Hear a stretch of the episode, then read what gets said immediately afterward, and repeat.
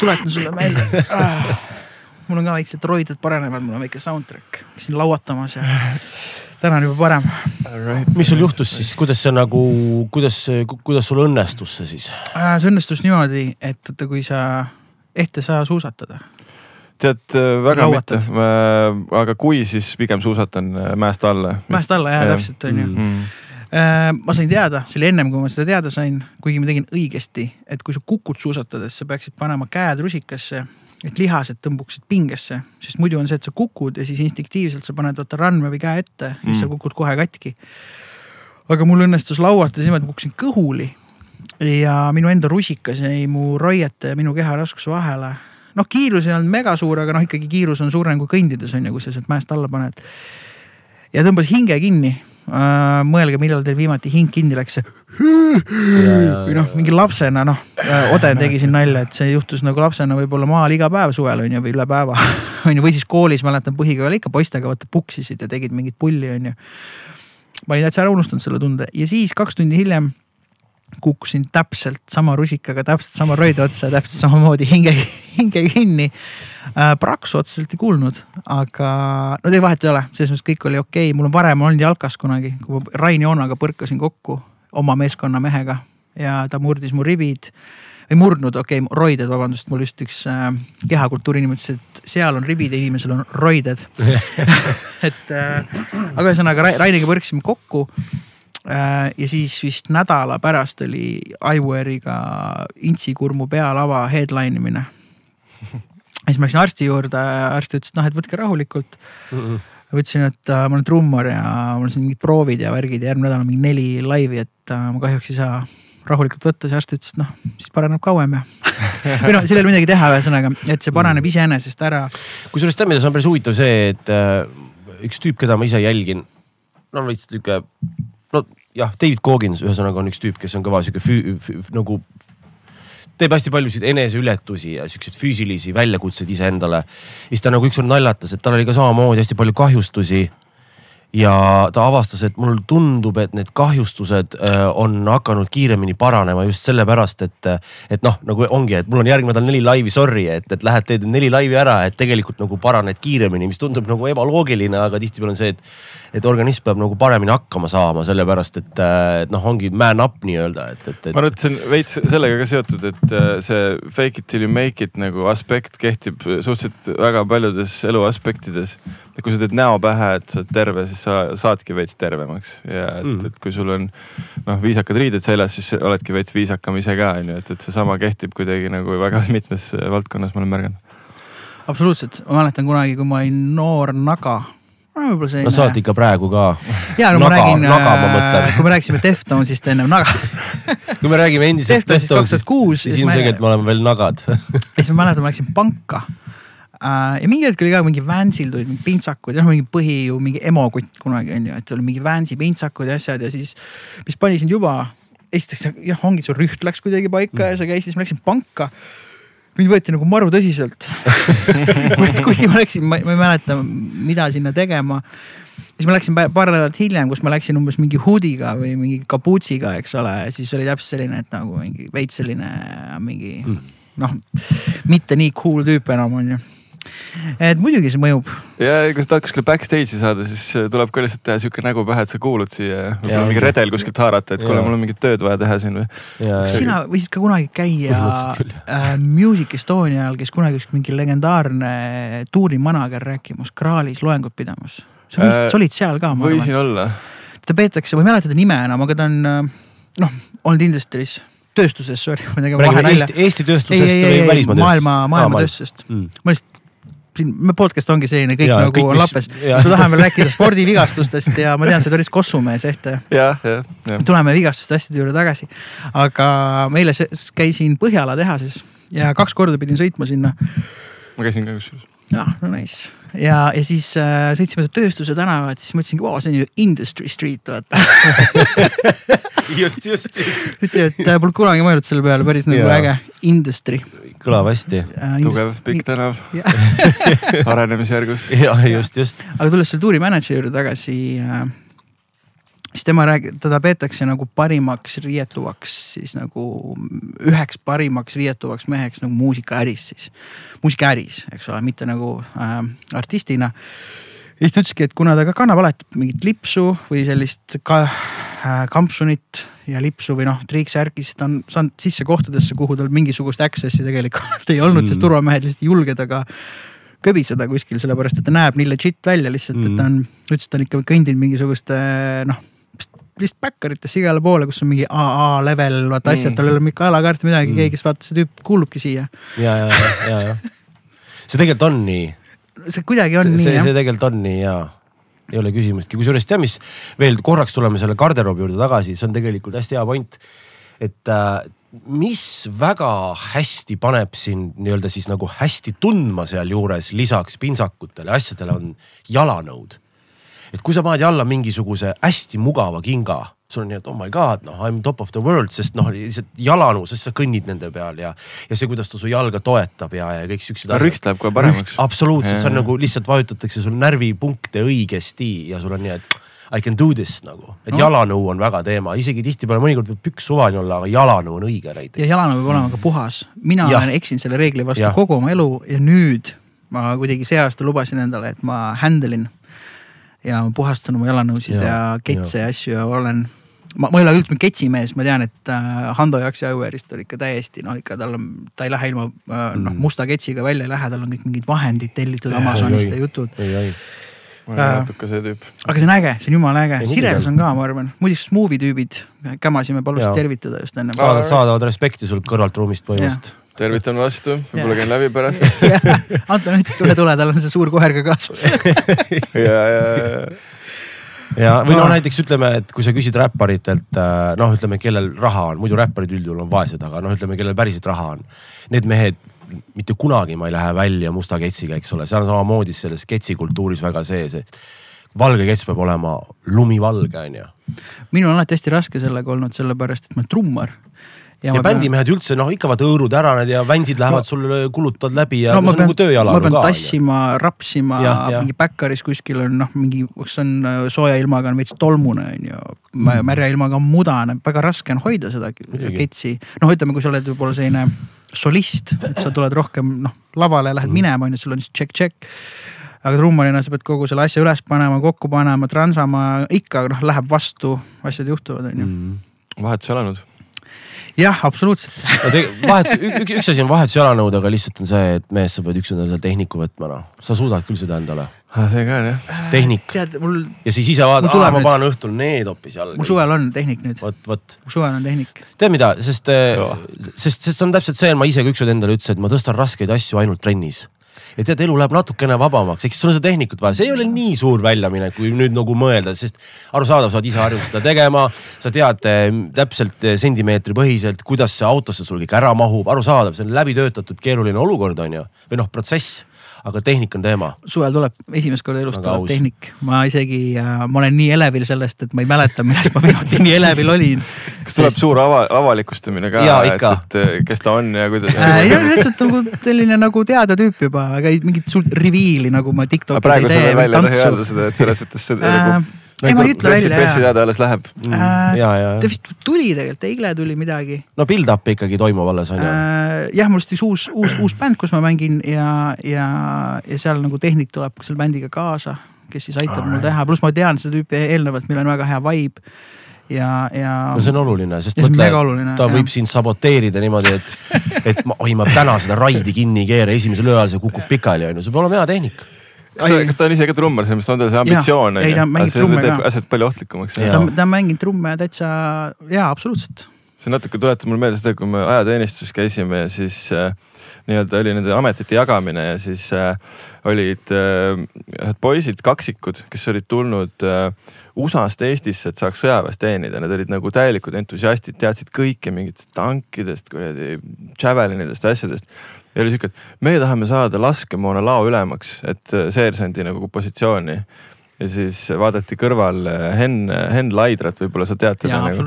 ka bändimees, muusik on ju ja sihuke chill tüüp, keda absoluutselt ei koti, vaata, kes oli lihtsalt seal selleks, et nagu noh, saaks mingi mõnusa chill'i ära teha ja me olime temaga nii-öelda samas jaos ka ja siis tema oli see, kes pandi selleks, sest tal oli lihtsalt nii pohhu kui üldse võimalik, ta nagu ei, ei adunud sellest kõigest mitte midagi ja, ja need kõige suuremad entukad lükati kuskile nagu lihtsa asja Kaevikusse. peale, kaevikusse ja. Henn on väga chill tüüp mm., ütleme noh, mellow. kujuta ette, tema pidi granaate välja jagama ja padruneid lugema nagu, et selles mõttes see oli, see oli päris naljakas. see on ikkagi äh, priceless jah. jah, või, või siis need entukamehed, kes kohe tahaks hullu panna, aga tegelikult on sul rahulik tüüp, eriti mis puudutab mingit relvamoona jagamist. ja see hakkab kõrvale panema Äh, ta hakkab trummipulkast kõrvale panema äkki. ah, siis paneme jah, ega tihtipeale need tehnikud on tead, mängivad paremini kui, kui kuradi artist ise. kas ta hakkab soundcheck'i ka tegema sinu eest, on tal seal nagu sound'i keha ka? äh, Soundcheck ikkagi võimalusel lähme jaa, Soundchecki okei, võimalusel lähme mulle meeldib tegelikult teha, mulle meeldib üle vaadata, ma nagu, ma olen äh, selles mõttes, ma saan igas olukorras hakkama äh, trummidega ja nii, aga ma olen noh, üritan natuke kasvõi nagu mitte nii, kuidas mul mugav on, onju mm. see tuleb kogemusega, et ma mäletan mingi hetk mul pidi millimeetri pealt paigas olema. ma olen Joon Mikiveriga sellest hästi palju rääkinud. Jon Mikiver oli kunagi väga millimeetri pealt Jaa. paigas, kuidas, kuidas selle basstrummi ja raidi vaheline Jaa, täpselt. mõõde peaks olema nii, et mitte viis, vaid võib-olla neli. ja Ja siis no- ta käis ja kontrollis, ma mäletan ja noh, see oli enne Jaa. seda, kui need üldse olid Elephants Aga from et kui sa täitsa alguses oli hästi paigas tal nagu. trummarina hakkad nagu tõsiselt tööd tegema või noh, mitte tööd tegema, kasvõi mängima palju ja saad nagu sellest, ütleme algaja levelist selliseks intermediate või sealt juba edasi mm. -hmm. siis see, siis see kaob ära. Aga algul, kui sa jõuad sinna, see on hästi-hästi oluline, sulle tundub, et aa, aga mul täpselt pole paigas, mul ei tulnud sellepärast välja Mm. ei, asi ei ole tegelikult selles, et äh, noh, ma rääkisin siin Karl Sirelpuuga esimeses, kui see esimene aasta oli, kus ma kakssada, kakssada kaheksakümmend viis laivi panin aastaga uh.. pärast seda mul oli see, et soolotrumm võib kuradi veereda kuradi mäest alla ka samal ajal, ma kuidagi lahendan selle olukorra ära ja ma nagu nii-öelda vaatasin null kusemist või ma lihtsalt nagu kuradi noh, et mul ei ole, see ei ole issue mm.. aga vanasti olin ka niimoodi mingi Aidese laivid, et aa, see hätt ei olnud täna paigas, see oli veits viltu. ja, ja, päriselt ja noh, tead, see on üks parimaid asju, mis ma naudin ka kolmekümneseks saamise juures nagu, et siuksed nagu, et see, sa oled leppinud juba selle nagu ebatäiuslikkusega nagu ja, ja see, see nagu mingisugune teatav küpsus äh, ja sihuke, et, et noh, et kogu aeg on midagi nagu veits pekkis nagu. jah, elu. kui ma ise õpetajana räägisin lastele, ma, ma tean niimoodi sellest niimoodi aru, noh lastele selles mõttes, et mul on algkool, põhikool, keskkool ja vanemad on ju. Et ma näen, kuidas nad näiteks praegu on just see sisseastumiskatsed keskasse, üheksanda klassi lõpp ja kuidas nad põevad ja närvitsevad mm, ja siis ma ütlen, ma saan kõigest aru sellest, ma olen olnud seal, ma ise närvitasin ka. luban sulle, et keskas sa nagu naerad kogu selle asja peale, siis on lõpueksamid, et saada ülikooli või noh, et lõpetada keskkooli, ma ütlen, dude esimesed mingi kuu aega ülikoolis on ju, sa anud saada neid anud tagasi sinna nii-öelda noh, nagu selle raskusastme mõttes, kuigi ülikool oma olemuselt on palju chill im, et kui sul õppejõud ikkagi ütleb, et noh. põhimõtteliselt ei pea olema siin, et mäletan äh, Tõnu Viik, kes oli minu filosoofiaprofessor, ütles ka, et noh, keegi tegi siin mingit nalja või midagi, ta nagu, ta ei olnud nagu, see on pahasega, sa ütles tüübid. Te ei pea siin olema, et mingi tehke suitsu väljas, jooge õlut, rääkige seal, aga et ärge lihtsalt siin nagu tehke, ei olnud üldse nagu siin nagu vaata võib-olla keskas selline köbisev, ta lihtsalt noh, ütleski fakt, Mm. keegi ei läinud muidugi ära. aga ta oli teil keskkoolis andis ei, filosoofia? ei, see oli ülikoolis Ülikoolis,, kui ma käisin ülikoolis ja enne kui ma ikkagi võtsin nagu munad pihku ja otsustasin, et ikka võiks trummariks saada mm. pidin käima igalt mingid muud teed ka läbi, aga ja siis, kui sa tegelikult ülikooli lõpetad ja, või ma näiteks kodust välja kolid et noh, siis nagu mingi reality check on, mina mäletan seda, kui ma Kallerpaa Karuga kolisin kokku, see oli esimest korda, kodust välja kolisin, ma olin kahekümne aastane. ja me elasime Kadriorus Kunderi tänaval ja siis käisime Selkus. Ja kui sa ostsid mingi nädalaks toidu, on ju, ostsid ikka mingi siidri, mingi võib-olla mingi lastevorsti, noh, mis iganes on ju, mingit food'i. ja siis vaatad, et äh, raha on otsas et tahaks nagu peole kraali minna võib-olla nädalavahetusel, et ah, võib-olla saab mingi kaks õlut osta ja pileti, kui listi ei saa ja. ongi nagu otsas selleks nädalaks mm. nagu see, et, et siis sa nagu, nagu kõik, mis sa tagasi mõtled sealt, see kool ja see aeg, et see kõik nagu need, neid muresid ei olnud ja sa ei teadnudki, et need mured võib-olla eksisteerivad, sellepärast et kõik justkui nagu laabus, aga see on äge ja igaüks peabki seal ise nagu läbi kogema, pigem on kurb lugu, kui sa ei koge seda läbi Mm. ja, või koged seda sellises nagu hili, nii hilises vanuses, et see nagu nii rets šokk, et sa ei handle'i nagu ära Mm. ja siis võibki nagu jääda selline ebahandlus kuhugi sisse. kohvi toimib väga hästi mul täna. ja sama siin. äh, äge äh,. kuidas sul kohvi on või lasi sulle Mikk jälle ainult sooja piima või? mõnus sihuke lurr on, aga, aga samas sobib mulle hästi praegu, sest ma ühe kohvi olen täna juba joonud, kuigi mm. mul kodus puudus piim ja siis ma kasutasin mingit imelikku koort, mis ma kapist leidsin ja mul hakkas veits paha sellest nagu. et nüüd on nagu hea nii-öelda ikkagi ikkagi traditsioonilise piimaga kohvi nautida, et selles mõttes on ikkagi väike maitseelamus ka mm.. see oli väga hea, siin raadiosaate juhi nagu kohv läks ka nii Funk Embassy'ks praegu no see on, ongi vihje, ega me tahtsime tegelikult Funk Embassy kohta veits küsida, et äh, kuidas äh,, mis sa rääkida saad, mis need suured äh, siuksed noh, suvi tuleb, hooaeg on lahti läinud, et kas Funk Embassy uste taga käib ka nagu suurem sagimine või praegu? ja ikka, et äh, sihukest äh, rahu on äh, on, ütleme seal pühapäeva pärastlõunal mingi kaks tundi ja siis, ja siis on ikkagi juba küte jälle mm. ja mõtted äh, töönädalas, et suhteliselt sihukene äh,. samas tore on ju, et, et äh, tunne on, et oleme võimelised igast mingisugustes äh, pingeolukordades toime tulema, et äh, mingi küpsus on saavutatud, suudame sellest Google Mapist nagu välja scroll ida ja suurt pilti vaadata ja ikkagi handle ida neid kriise, kriiside otsas. aga et äh, jah, et selles mõttes, kui ma siia sõitsin, siis ma näiteks kuulasin äh, Lex Souli äh, uue EP loodetavasti lõplikke master eid.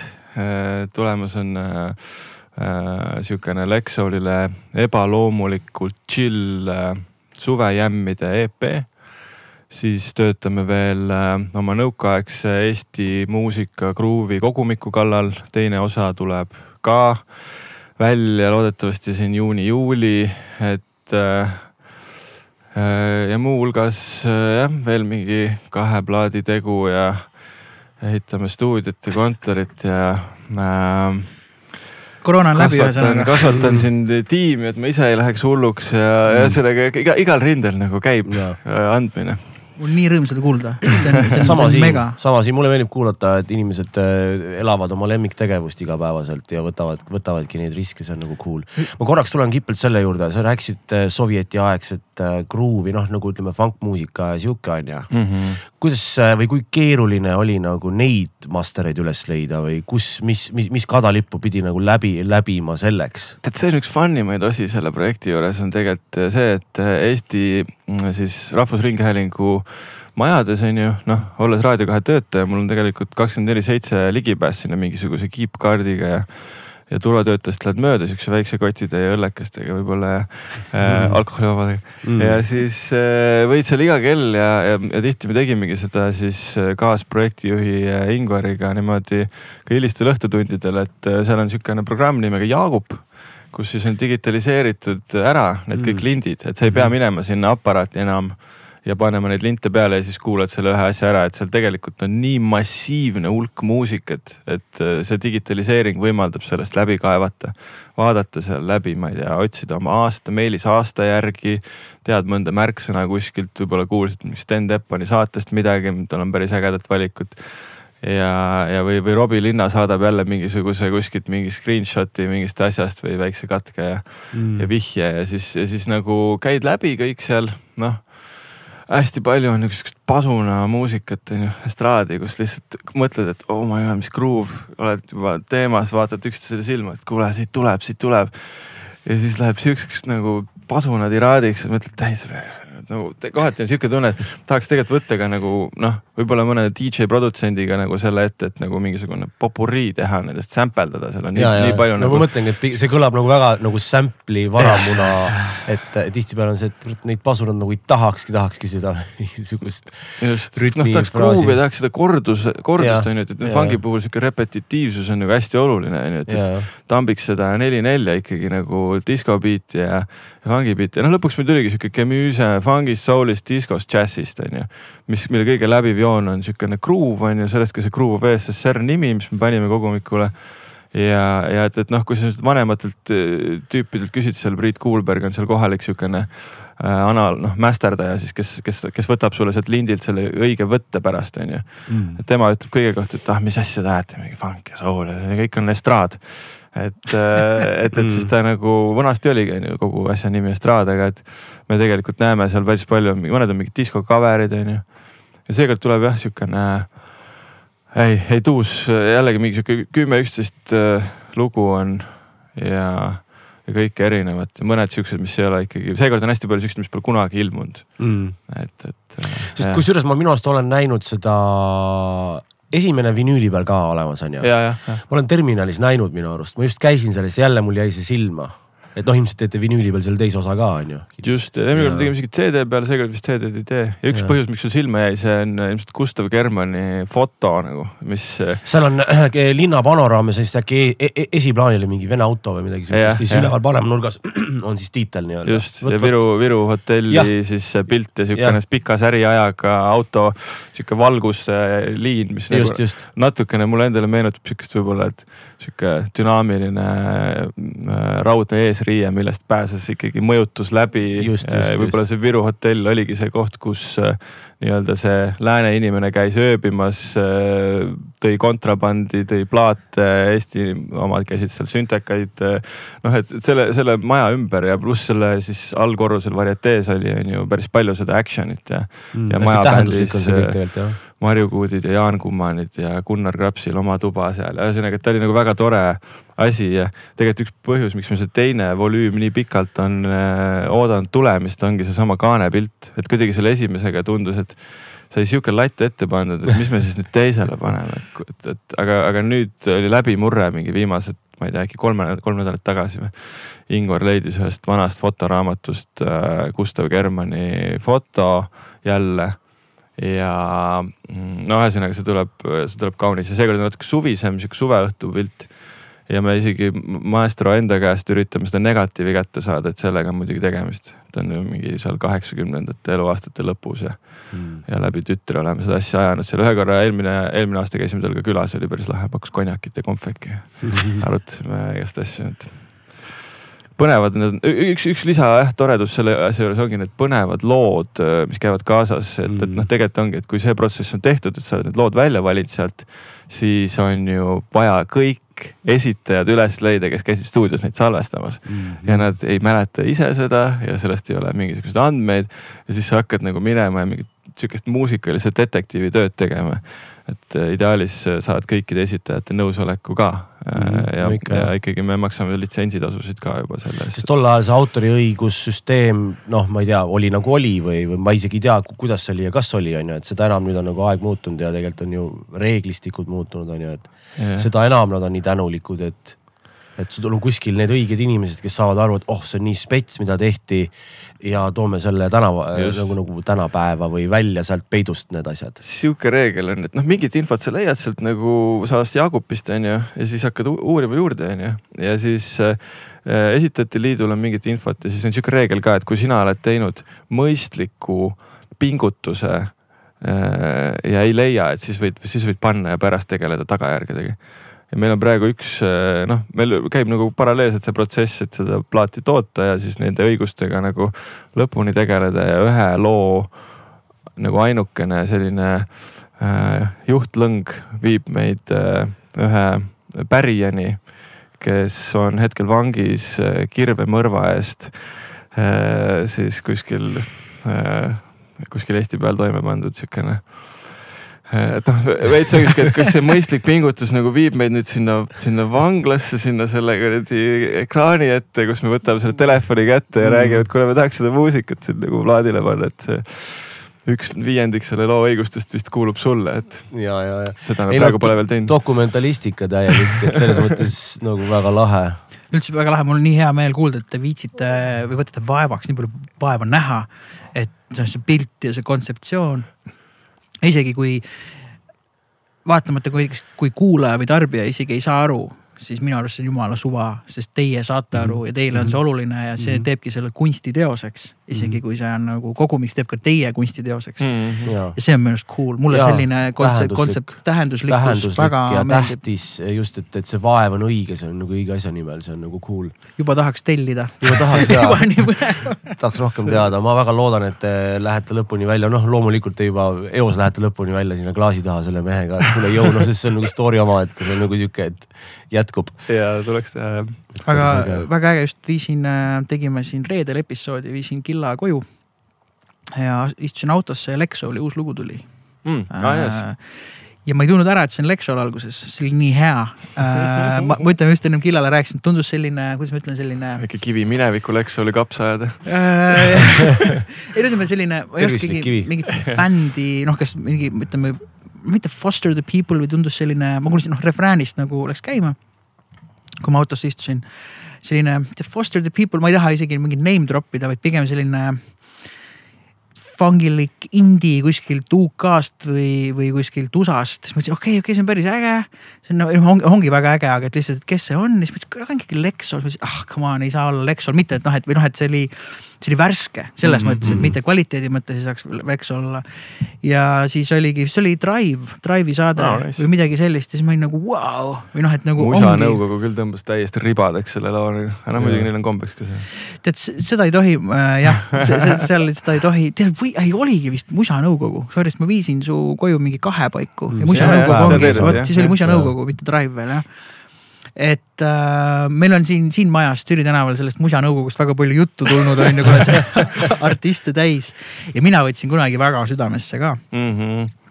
ähm, ja mul on kriitikutega üldse issue sid, millest me võime teinekord rääkida Mm. aga aga noh, see on tead, tead. ja, ja aga, aga, aga lihtsalt, et see muusikanõukogu, mis ta mingi aeg muutus mulle põnevaks, et kui ma ei võtnud seda tõsiselt enam, siis ma mõtlesin, et noh, seal ongi mingisugused noh, snoobilikud, väga spetsiifilise maitsega kriitikud, kes, kellele meeldib lihtsalt kogu see asi, nad ei tahagi nagu halvasti öelda, neile meeldib, naudivad seda protsessi ja sina artistina peaksid seda sellise muigega tajuma, et ma kindlasti ei tohiks otsida sealt mingit heakskiitu või julgustust mm. -hmm. ja isegi kui sa saad, siis pigem ka mitte, et sa võiks, et see on nagu mingi formaat. ja kui sa saad aru, mis see formaat on, siis mina nagu sõlmisin rahu sellega ja ma hakkasin seda saadet palju rohkem nagu nautima. Mm. kuigi see on nagu väga huvitav äh, nii-öelda võib-olla natukene cringe'i olla viimasel ajal, et sul on see artist, kes on külas, et siis kõik kuulavad nagu tema lugu räägivad sellest loost nagu sel hetkel nagu seal stuudios, et siis saab kindlasti paremat äh, tagasisidet.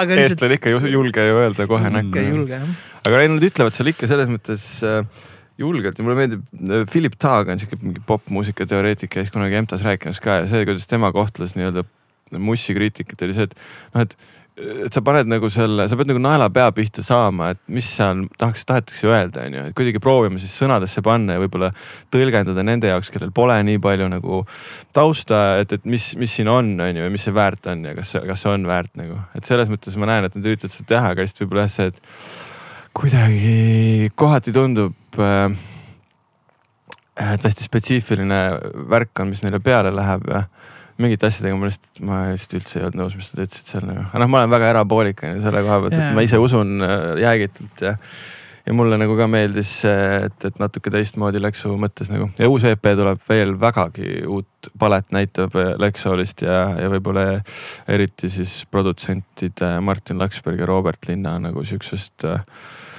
või võimekuse kasvust ma ütleks seoses, ma ei tea, miksimiste ja salvestamiste ja kõikide asjadega nagu, et see tahtsin ka nagu öelda, et see. viimane lugu, mis, mis see loo nimi on? Got you on my mind või? I don't mind. I don't mind on ju et äh, see on nüüd see viimane, mis ma just enne. Jaa, mis ma lasin sulle just ja sellesama niukse läheb öö, teistsuguse popima refrääniga, mis ta tegelikult nagu kuidagi nagu Jaa. noh, see ongi see põhjus, mis, miks sa ütlesid, et kurat pole nagu Lex, mitte nagu muud rütmikohad, aga see ref nagu on täitsa No, teisest mhm. et täitsa nagu teisest songwriting'u laulukirjutuse mõttes oli nagu noh, next level minu jaoks, ma olin selline okei okay. ja sound ka mm. -hmm. isegi noh Jaa., mul on see keskklassi Kiia on ju, kus see sound system ei ole kõige retsim, aga sealt see kõik oli noh, megaloogiline. see ongi, on ju hea sound'i tegelikult äh, mõõdupuu on ju, et kuskil auto jah, just. mingisugused ja, ja noh, et ja iga suvakõlar, et millegipärast. Michael Kivanuka kõik- kõlab igalt poolt fucking hästi. aga see ongi nagu point, et enamus inimesed kuulavadki suva kohast, et ta peabki seal hästi kõlama, noh, et miks nagu sotsides ongi need ka väiksed väiksed suva crap-kõlarid kus miksajad kuulavad, et kuidas ta nagu tegelikult sul Apple'ist kõlaks, on ju, et see ongi nagu teema. aga tulles korra selle pahe, selle siukse pahe juurde, et see ongi ainult nagu äge, et, et et, et tulla välja, noh, üleüldse artisti puhul on äge, aga ütleme, kui Lexouli puhul on äge see, et eh, kui ma ei eksi, on teil vist kaks täispikka nüüd olnud, on ju, albumit? Äh, kolm on või, või kolm, jah, sorry, kolm. noh, ütleme niimoodi, et kõik juba teavad, noh nagu ikka, et kuule, et see lugu ei ole nagu tava Lex Soul, et noh, kõik juba nagu teavad, missugune see Lex Soul on ja kõik see asi ja nüüd sul tuleb nagu vahet ei ole, on ta EP või mis iganes ta on ja tulebki nagu nüüd täitsa nagu sihuke natuke free for all või nagu sihukene hoopis teistsuguse sihukese lähenemisega ja sihukese võib-olla tajuga asi, siis see on alati kõige magusam. sellepärast, et väga paljudele ei meeldi, mis tegelikult on positiivne. et sa nagu murrad veits seda paradigmat ja sealt edasi on jälle see, et võime teha mida iganes, sest paljud enam ei oota meilt otseselt, missugune see olema peaks. ja, ja me, ühesõnaga me lihtsalt ei kuse enam, me kuseme veel vähem, kui me kusesime, vaata. et see on nagu cool. see on väga cool, sest on tunda selles kirju, ma ühesõnaga väga ootan äh, see lugu. aga see, see muidugi, see antud lugu ei anna mitte mingit aimu sellest, mis tuleb. see Aga oli tegelikult äh, nii-öelda eraldiseisev sinku, mis läheb äh, Saksa plaadifirma kogumikule Mm. ja nüüd ütleme mingisuguse aprillikuu jooksul siis hakkame tulema Essa sinkuga sellest EP-st välja. aa, Ah, et see lugu EP peale ei lähe? ei, see oli tegelikult jah, et nad teevad, sakslased, Golden Rules on see plaadifirma nimi, teevad äh, iga-aastast kogumikku moodsa aja fungi, soul'i, diskoskeene tegijatest ja igalt bändilt läheb üks peale, nii et hästi tänuväärne töö ka selle koha pealt, et keegi noh, natuke lihtsam on teha vanakooli muusika kogumikku. selle mm. Grubo VSSR-i juures on see romantika, mis toimus raudse eesriide taga, see läheb lääne-eurooplastele üle maailma läheb see ülihästi peale ilma suurema push'ita onju. aga uut asja peab alati nagu tõukama ja nagu energiat panema sinna, et, et siis nagu selles mõttes nemad, nemad teevad sihukest tööd praegu sellega. Aga et, et see oli jah eraldiseisev ja see uus EP tuleb sihukene slow jams Aa. et, et äh, see nii palju ma võin nagu ära anda sellest, et natuke sihukest äh, jahtroki suunda äh,, sihukest, no ütleme sihukest suvepriisi kõrvale autos peale panna. no ma kujutan ette, et Harjumaal kõik kuulaks seda, sest kõik me siin tahame rokkida jahtidel. väga lahe. äh,. ma lihtsalt üks mõtlesin äh, Lexoli peale tagasi. Kas sina olid täitsa algusest peale nendega või päris täitsa algusest ei olnud? siis ma mäletan ühte KPK kontserti ja see pidi olema, ma ei tea, kas see oli kõige esimene või üks esimestest. aga mäletan, et kas võib-olla oli ka mingi elevandi tüübi, kes ütles, aa kuule, et KPK-s on täna Lexol Dance Machine. aa, mingi Robbie uus bänd on ju, vaatan Mm. juhtul aega on, astun läbi. no mis iganes, lähed sinna, võtad mingi joogi, kämad seal järsku vaatad, et ma ei saa nagu vetsu enam või noh, et kontserdiplaani noh, et täis on see KPK nagu, et noh, et see ei äh,, ma olin seal baaripoolses lava kõrval, noh täitsa mm. nagu kõrval äh,. noh, Kaspar Salo oli mu kursavend on ju, vaatasin noh, kõik nagu põhitüübid ja siis see läks nii, see läks nii käest ära nagu nii ruttu. noh, mingi esimese loo lõpuks umbes noh stiilis noh, mitte otseselt, aga umbes rinnahoidjad olid juba nagu see kuradi pannal oli lahti tehtud tšikkidele ees vaata ja kõik oli juba higine ja kõik tantsisid ja noh mina, kes mul ütleme selline, ma olen väga sotsiaalne inimene, aga mul selline suured hordid rahvast, isegi KPK-s mul nagu läheb ebamugavaks suht kiiresti, siis ma olin selline uh,, ma pean sinna teise poole saama, et siis ma vähemalt tean, et ma saan põgeneda õue, noh. et kui, kui mul lihtsalt yeah. liiga jaa. palavaks läheb, aga lihtsalt, et ma olingi see, et oh, mis toimub, et uh, kust see tuli, et ma nagu üldse ei oodanud seda, noh, sellest KPK-s, kui sealt alustab bänd, no võib-olla mingi viiskümmend inimest ja noh, see on nagu ikka on ju, et, et kas sina mäletad seda või kas sa olid juba seotud siis Lexouliga või? ma mäletan väga hästi seda, see oli esimene kontsert, mis ma üldse korraldasin neile. ja selleks hetkeks nad olid mingi aasta aega tegutsenud, nad olid jõudnud oma hooandja kampaaniat teha, et esimest plaati rahastada ja siis kuskil sellesama kevade jooksul nad kutsusid mind Music Weeki ümber mänekaks. ja sellest mingisugune paar kuud edasi oligi siis see KPK SA, SA live, ma mäletan, kuidas ma üritasin seda promoda ja mul lihtsalt ei tulnud, ei tulnud nagu mingit mõtet pähe, no ma ei olnud tegelikult korraldanud ka kontserte varem. siis mõtlesin, et mismoodi ma sellele nime panen ja värki ja siis vaatasin õhtul äh, sarja Better Call Saul Mm. Oh, ja siis äh, turgatas nagu, et oota, Better Call Lex Soul. Ja siis tegimegi kogu selle nii-öelda esteetikaga, selle väikse sõnade mänguga, selle kogu nii-öelda visuaali sellele kontserdile. natukene mängisime, et see on sihukene kollase telefoniraamatu lehe kuulutus, mis tuleb, me isegi trükkisime need postrid mingisugusele läbipaistvale sihukesele õhukesele paberile nagu. et, et see oli, see oli hästi fun, fun tegemine ja tõesti ta nagu lendas hästi, et aga noh, selleks, eks nagu natuke oli mingit nime juba jõudnud teha, vaata inimesed olid nagu, sõna oli lahti läinud Nad olid jõudnud äh, ikkagi juba aasta jooksul esineda seal mingite Kersten Kõrgete sünnadel ja Mustas puudlis ja protestis vist äkki või protest tuli äkki hiljem. aga jah, et, et, et, et see läks kuidagi ägedalt lendu ja, ja on olnud tore nagu kasvada nendega, tead, sihuke mänekaks ja väga äge, ma, ma mäletangi kuidagi, et sa tulid mingi aeg lihtsalt pilti, ma ka alati nagu teadsin ja jõu lege ehte. aga nagu ma ei teadnud, kust sa tulid või kes sa nagu olid, aga sa nagu olid alati kuskil. Ja siis mingi hetk sinust sai nagu see mänedžer ja noh, kõik see, mis sa praegu oled, on ju, et see kuidagi nii loogiliselt ja sujuvalt on kõik nagu läinud, et see on väga äge, noh ja Rita Reiga ja nii edasi. Ja, jah, jah, see, see tuli kuidagi sellest, ma alguses hakkasin unistama, nägin kunagi teismeeas nägin filmi Almost Famous ja siis mõtlesin, et oh, ma pean, minust peab saama musaajakirjanik ja käisin ja käisin seda rada ja võtsin ülikoolis filosoofiaõpingu kõrvalt kultuuriteooriat ja kahukriitika loenguid ja asju, kuidas teha. sa õppisid kultuuriteooriat siis? ei, ma õppisin filosoofiat, aga et, et kõik. Tallinna Ülikoolis. Tallinna Ülikoolis ma võtsin kõrvalt nagu kultu, kultuuri ka nagu. aga kuulus, mina mm. käisin kultuuriteadusi õppisin, et siis ma olen kõik seda ja, kõike saanud et sealt sai nagu mingi põhja alla, tegin midagi areenile natukene, aga ma saingi ükskord aru, et ma, ma ei taha olla muusikakriitik mul võttis nii, nii palju aega mingisuguse arvustuse kirjutamine ja saada just, et kuidas ma seda naelapead nagu taban, onju, et, et, et see tundus nii suur vastutus ka nagu. siis natuke toimetasin seal Müürilehega, tegin sinna onju intekaid asju. müürileht vist ongi esimene pidepunkt mul sinuga ja siis oli see Balti skeene etapp onju, tegime Natali Metsaga seda Baltikumi platvormi. ja sealt kõigest ma sain aru, et, et õhin, õhinapõhine sihukene ajakirjaniku töö on tore ega et kuskilt maalt on nagu vaja leida nagu viis, kuidas nii-öelda äri ja lõbu ühendada. et, äh, et siis sealt sai võib-olla alguse see rohkem. Ja noh, oligi, et kuna ma olin mingi Inteka teinud läksuga, siis ja küsinud ilmselt õigeid küsimusi, siis ma olin ka esimene tüüp, kellele nad mõtlesid, kui nad said aru, et neil on kedagi vaja, vaata oma asja push ima nagu juurde sinna, et, et siis kuskil Kelmi laivil Joonas Sarapuu oli see, kes ütles, et kuule, et äh, tule punti kus oli kelm, vanalinnas? too oli siis, kui Hella hundi all oli see kelder. Nad on muidugi liikunud igatepidi seal ringi ja selles. see on, äh, tead ma sattusin, nüüd on ta ükskõik vist või? ah, võib-olla jah, jah. vahepeal oli juuksur ja mingi. jah, see on nagu mingi sihuke kakskümmend meetrit enne, enne Hella hunti. nüüd on, nüüd on ükskõik nimi, ma just sattusin sinna mingisugust mööda minnes. Texase all jaa, ei seda, aga, aga, aga mis see koht oli, kas see oli Hoov või, mis oli Heliose kino? see oli Hoov on ju. ja, ja, oh my god, paradiis. ja Pingsi laud oli seal, mäletan juba pimedas sai kuidagi mm. lahmitud. see oli nii vinge teismelisena vanalinnas pidu panna niimoodi, et noh, kuidagi selle noh, et väljaspool neid turiste ja kogu seda Viru tänava hängi on mingisugune sihuke oaas, alternatiivkultuuri, et. ja see kino Helios on seal väga äge. Äh, mina käisin lapsena seal kinos näiteks Ässad kaks filmi vaatamas mm, niimoodi.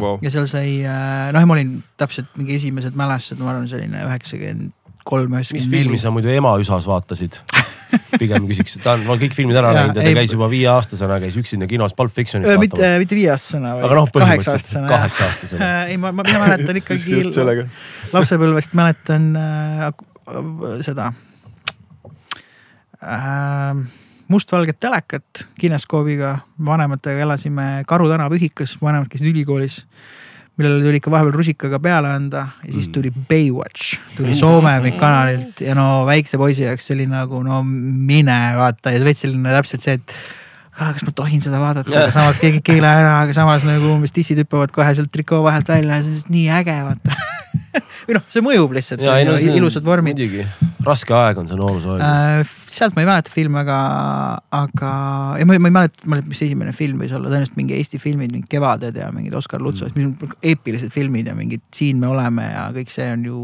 kuld. võime mõnikord filmi vaadata, mul on päris hea arhiiv, veel pluss veel restaureeritud versioone. noh, sa ei ole kunagi, noh pro, pro-res resolutsioonis mingit Kevadet vaadata nagu vaataks mingit liikuvat maali, noh aga see kino see Helios väga... oli lihtsalt mega äge kino. Äh, ja temaga mingi kurb lugu, ma ei tea, kas see seal vahepeal oli mingi teater äh,. aga seal on millegipärast ei saa seda renoveerida või see on nii kallis või olid seal mingisugused äh, päästeameti mingid piirangud, et kui on mingi jama, siis ei saa seda kustutama või midagi, aga see oli äh,. ma olin nii obsessed sellega kunagi, et ma läksin sellise kahekümne või üheksateist aastasena äh, Rahvusraamatukogu arhiivi ja lasin endale välja võtta selle nagu mingi noh faili, kus olid selle kino pildid ja ajalugu ja noh, mulle lihtsalt nagu nii meeldis see koht äh,. kahjuks aga üritusi tohib seal ikka korraldada praegu? tohib jah ja., aga ta ongi vist tehtud mingisuguse lahendusega, sest sealt Sauna tänavalt saab sinna sisse on ju. aga noh, vanasti oli selline pukid, selline punase nahaga kaetud vaata istmed mm., baaris sai osta seda nõukaaegses sellises mis iganes mitmekandilises läbipaistvas klaasis sai osta äh, milkshake, piimakokteile sai osta mm.. see kino oli no, rõduga, rõduga mm. kino, meil ei olegi rõduga kinosid äh,. ei no päris teater, teaterkino päris nagu, nagu peaks olema. oligi disainitud kinoks ja see kino oli kõik, need toolid on natuke, kui sa sellistest, ma ei tea natuke vanematest Ameerika filmidest vaatad, kus on nagu sellised äh, või noh, need nahktoolid, mis saavad su need nahktoolid nagu kunagi diiselrongides oli stiilis, vaata sellise nahaga kaetud klapiga ja noh, mm. see kõik oli nagu nii õige kus see, kus see prožektor tuli ja mm. projekteeris seda, mitte prožektor, vaid projektor, mis projekteeris seda filmi. võib-olla Fight Clubis vaata, kus äh, Tyler Durden natuke seda mingit äh, pornofilmi asja sinna vahele lõikab salaja, vaata noh, mäletate seda mm., noh no, natuke nagu sellise vibe'iga koht oli kõige paremas mõttes, et oli nagu see stiilipuhas kino sul tuleb leida mingisugune mm, ingelinvestor, kes on suur filmifanaatik ja siis müüa talle see idee maha, et kuule, seda saaks nagu üks-ühele ära renoveerida. just. jah, või vaadata mingit Terminaatorit. miks Simson tuleb supervise ima ja ongi tehtud põhimõtteliselt. võin, võin valida, võin programmijuht olla. no absoluutselt, jumala eest. rõdu lihtsalt mulle nii meeldis, pole kunagi ühes kinos, kus rõdult saab filmi vaadata, mulle väga meeldiks see kuigi jah, random toode, minul meeldib kinos käia niimoodi, et ma alati valin koha ma vaatan, kus on keskkoht nagu keskrida ja sealt üks või kaks ettepoole ja siis ta on täpselt silmade kõrgusel. see on minu arust nagu hästi loogiline, sest sa vaatad telekat või mis iganes, sa tavaliselt mm. vaatad niimoodi. ja, ja. ma korraks äh, veeretan palli tagasi sinna, meil jäi jutt pooleli sellest, äh, et, et, et noh, et, et kui sa nagu jõudsid otsuseni, siis et okei okay,, et, et õhinapõhine ajakirjandus on nagu lahe. nagu üleüldine õhinapõhine tegemine on põnev, aga vahet ei ole, mingi hetk sa jõuad kohta, kus on vaja nagu teha, võtta vastu nagu otsus, et, et kas siis, mis ma nüüd siis on ja mis ma siis nüüd teen. ja tegelikult, mis see tähendab, see tähendab seda, et sa hakkad nagu endalt küsima seda, et noh, et, et, et kuidas nagu väärtust luua põhimõtteliselt on ju mm -hmm.. noh, ongi, et äh, sinu see huvi selles suhtes, tegid selle otsuse, sealt edasi võeti sind punti need asjad, sest no nähti, et see tüüp on väärtuslik, see tüüp toob väärtust ja, ja noh, sihuke skeenepõhine arenemine nagu on tegelikult elustiilides, et sul kujunevadki välja erinevad rollid, on ju, aga kõik on nagu see, et kõik on ühes skeenes et äh, ühesõnaga küsimus, kui keeruline, sa just mainisid, et sa paned nagu meeskonda kokku, et äh,, et, et, et seda enam äh, me otsimegi neid inimesi, kes neid, kes seda nagu väärtust toob, et noh, samamoodi see, et mul läheb nagu ukselukk läheb katki, ma kutsun mehe, ta teeb, teeb selle korda ja nii ta jääbki, on ju et sihukeses kohas on nagu see, et, et, et noh kes on samamoodi teemas, kes on samamoodi huvitatud, kes on nagu selles nagu selles, see, see, see eelkõige see skeene ja see huvi ja see lemmiktegevus, et nagu luua neid visioone mm. -hmm. et, äh, et kui keeruline on üldse tegelikult leida meeskonna liikmeid nii-öelda? ma arvan, et see on sihuke ühelt poolt ka, ka põnev asi ja kindlasti ta ei ole lihtne, sest et kui ütleme, mul kasvas selle Lexoli management'i kõrvale, siis hakkas kasvama see Funk Embassy bränd, ma sain aru, et noh, sellega ma saan nii-öelda suuremalt seda kogukonda kuidagi aidata ja natuke rohkemaid bände võtta ja nii-öelda ka sellega võimaldada sellist, sellist elu, äh, kus, kus see ongi nagu noh, elukutse. et siis äh, noh, keegi teine ei saa olla nii sütitatud äh, ja lõputult kirglik selle asja suhtes nagu nii-öelda sinu beebi suhtes, kui sina ise on ju. Mm. et siis äh, see on olnud sihukene nagu jah, õppimisprotsess, aga näiteks kui ma äh, nii-öelda äh, ma annan koolitunde Otsa koolis äh, muusikaprojektide korraldamisest ja projekti juhtimisest. ja siis äh, mulle meeldib seal rääkida sellest, et äh, nagu igaüks nagu tuleks leida mingisugune kõrgem äh, nii-öelda missioon, mis on sinust endast kõrgem selle muusika asja sees. Ja tegelikult selle järgi, ma arvan, tunnebki ära, et kes ei tee seda asja raha pärast, kes ei taha endale sihukest lihtsat, mugavat, sooja kohta, vaid kellel on mingisugune nii-öelda driving force, mingisugune nagu mingi asi ajab teda tagant, utsitab tagant eh, nii-öelda selles valdkonnas olema. võib-olla see ei ole see, et, et ta on lõputult kirglik fungi suhtes või just nende bändide suhtes, noh, see aitab kaasa, onju. aga et võib-olla tal on endal mingisugune nii-öelda idee selle valdkonna sees. Noh, näiteks äh, üks suur jupp äh, sai nagu paika suvel. helistasin äh, Mattis Kirsipuule kes siis äh, nii-öelda nüüdseks on hakanud äh, Funk Embassy finantsjuhiks mm.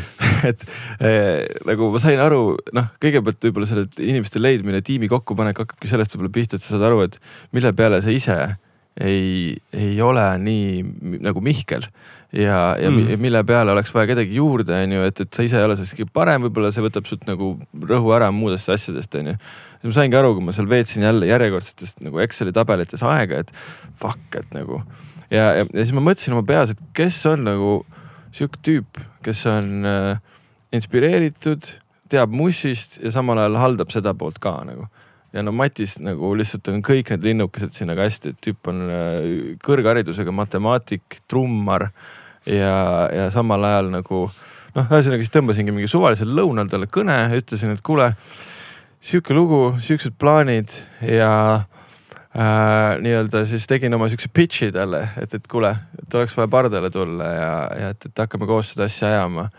et ma tahaks sellise jupi sulle nagu anda sellest ja, ja tüüp oli niimoodi, et äh, kuule, et ma saan põhimõtteliselt, ta töötas siis tol hetkel Fonteses, mingi kohaga ta on ikka veel seal ja et, et nagu kuule, et ma saan sihuke kord nädalas mingeid värbamiskõnesid, et äh, tule meie tiimi ja me anname sulle suurema konkureeriva palga ja nii edasi ja ta ütles, et mul ei ole ükski nendest kõnedest nii palju liblikaid kõhtu toonud kui sinu kõne et ma tabasin teda täpselt sihukesel hetkel, kus ta ise mõtles ka, et okei okay,, ma olen siin viis aastat olnud siin Fonteses on ju, mul jaoks ei paku see enam nii suurt väljakutset.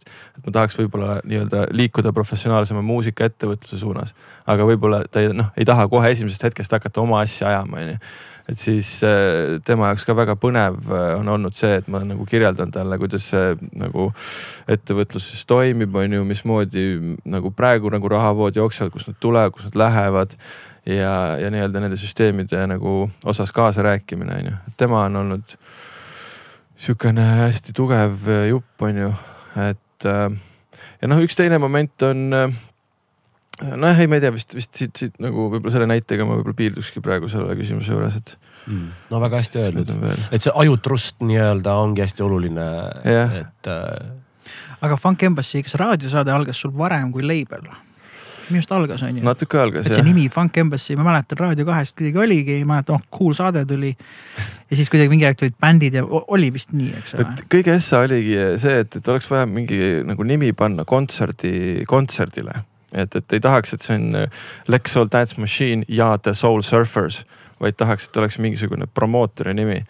No mingi jä... vihmavari nii-öelda. vihmavari just, just, just.. et siis tegelikult nii-öelda esimene asi oligi promootor, siis tuli paar kuud hiljem raadiosaade siis tõmbasime Music Weeki lava ja siis nii-öelda hakkasime nimetama ennast siukseks agentuur slaš plaadifirmaks ka nagu, aga noh, see tuli natuke hiljem, et. Enterprise. Enterprise jah, jah. ei, väga äge. no impeerium ikkagi no, aga noh, vaata see lihtsalt sõna impeerium tihtipeale räägitakse seal ainult nagu, nagu halvas võtmes, tegelikult heas võtmes samamoodi. Death Row Records on Absolut. impeerium Rockefeller Records. me nimetamegi saatkonnaks, et me Just, esindame ja. midagi, meil on Just. mingi missioon on ju, meil on, me oleme kuradi fungi atašee nagu selles mõttes. õiged, õiged inimesed peavad tegema õiget asja, siis on ongi nagu kõik äge ja siis ongi kõik õige ja see ajend, see kõik on kogu aeg paigas ja suur pilt ja, ja ongi tegelikult sihuke hästi siuksed innovaatilised ideed. see Mush on jah, see smash, nagu. üks nagu kõrgem idee selle kõige taga ja, see peegeldub ka välja äh, Lexoli poistest ja kõigest, et on nagu, et see on ideaalne must, et inimesed kokku tuua, et see, kui Mikk kirjeldas seda KPK pidu on ju, et siis see on see, mida me tahame teha, me tahame näha, et inimesed selleks vähemalt üheks õhtuks unustavad kõik erimeelsused, kõiksugused äh, taustad, mis võivad nagu tülli ajada mingisuguste poliitiliste vestluste ja ma ei tea, vaktsiiniteemaliste ideede juures nagu, et nagu tuua nad kokku, panna nad korra nautima, saada aru, et me oleme kõik üks osa ühest inimrassist ja nagu siis noh, sealt võib-olla luua mingisugust sihukest väärtust, et see on üks asi, mis paneb silma särama, sest kui ma vahepeal noh, mingi hetk nii-öelda show business'is töötades ikkagi tunned veits nagu tühist tunnet ka, et, et mis ma siis nüüd teen seda siin, seda meelelahutust, võib-olla ETK programmijuhi rollis, kui mul oli nii-öelda vajadus kord nädalas või kaks korda nädalas mingisugust üritust korraldada, pileteid müüa, baari teha. et siis seal, kui mul mingist hetkest enam võib-olla Funk Embassy asju sinna ei toonud, mis nagu kogu pilti nii-öelda nägin, et aitas, onju. ja pidin hakkama niisama tooma siin artiste võib-olla, kellesse ma ise nii väga nagu noh, ei olnud nagu nii kirglikult ei suhtunud, onju. siis mingi hetk tajud, et fuck, et nagu meelelahutuse puhul mulle tundub, on vajadus küsida endalt neid eksistentsiaalseid küsimusi nagu aeg-ajalt ja siis võib-olla vastavalt mingeid otsuseid nagu teha sealt edasi jah, see tuleb tegelikult sellest ka, millest me oleme rääkinud ja mis on nagu nii loogiline, et, et sul ongi vaja see kogemus ära, äh, kätte saada, et tekiks see küsimus. ja siis tegelikult, mis see tähendab, see tähendabki seda, et kellegi teise platvormi te kellegi teise platvormil asju tehes ongi kogemuse mõttes lahe, et tekiks jälle küsimusi ja minna sealt jälle edasi. Eh, ja, ja tegelikult, mis see tähendab, tähendabki seda, et kellegi teise asja tehes, noh, mingi aeg teed, aga lõpuks saad aru, et noh, nagu sinu puhul Funk Embassy asi on see, et see on, ma pean oma sitta tegema, vaata mm. -hmm. aga mul võib-olla ei oleks seda küsimust tulnud, kui ma vahepeal ei oleks kogemust saanud kellegi teise platvormil, kellegi teise kirgi nagu taga ajades on ju, ja see on ainult aja küsimus, sest päeva lõpuks on see, et ikkagi see, et jah, ma pean nagu omaenda seda visiooni tegelikult rohkem ellu viima ja siis lõpuks sa panedki selle fookuse sinna ja siis tuleb jälle järgmine areng, järgmine idee, lihtsalt see ongi nagu selline aja ja, ja, ja kogemuse suhe sihuke, et et see on, see on, see on hea kuulda, et, et, et teil või noh, sul on see nagu väga selgepiiriliselt nüüd nagu lukus, et okei okay,, see ongi nüüd noh, kõik noh, nüüd on, nüüd on nagu selge minu hmm. jaoks, mis ma tegema pean, vaata äh, aga Rita äh, juurde jõudsid sa, kuidas Rita Ray juurde, kas, äh, sest te andsite ju tema esimese albumi, selle epilise legendaarse, tegelikult võib öelda albumi, keegi ei oodanud seda, mina ei oodanud seda, mul on sõbrad, kes on noh, pigem sellised Perfect Circle'i või mingid Slipknoti mehed, kellele läksin külla.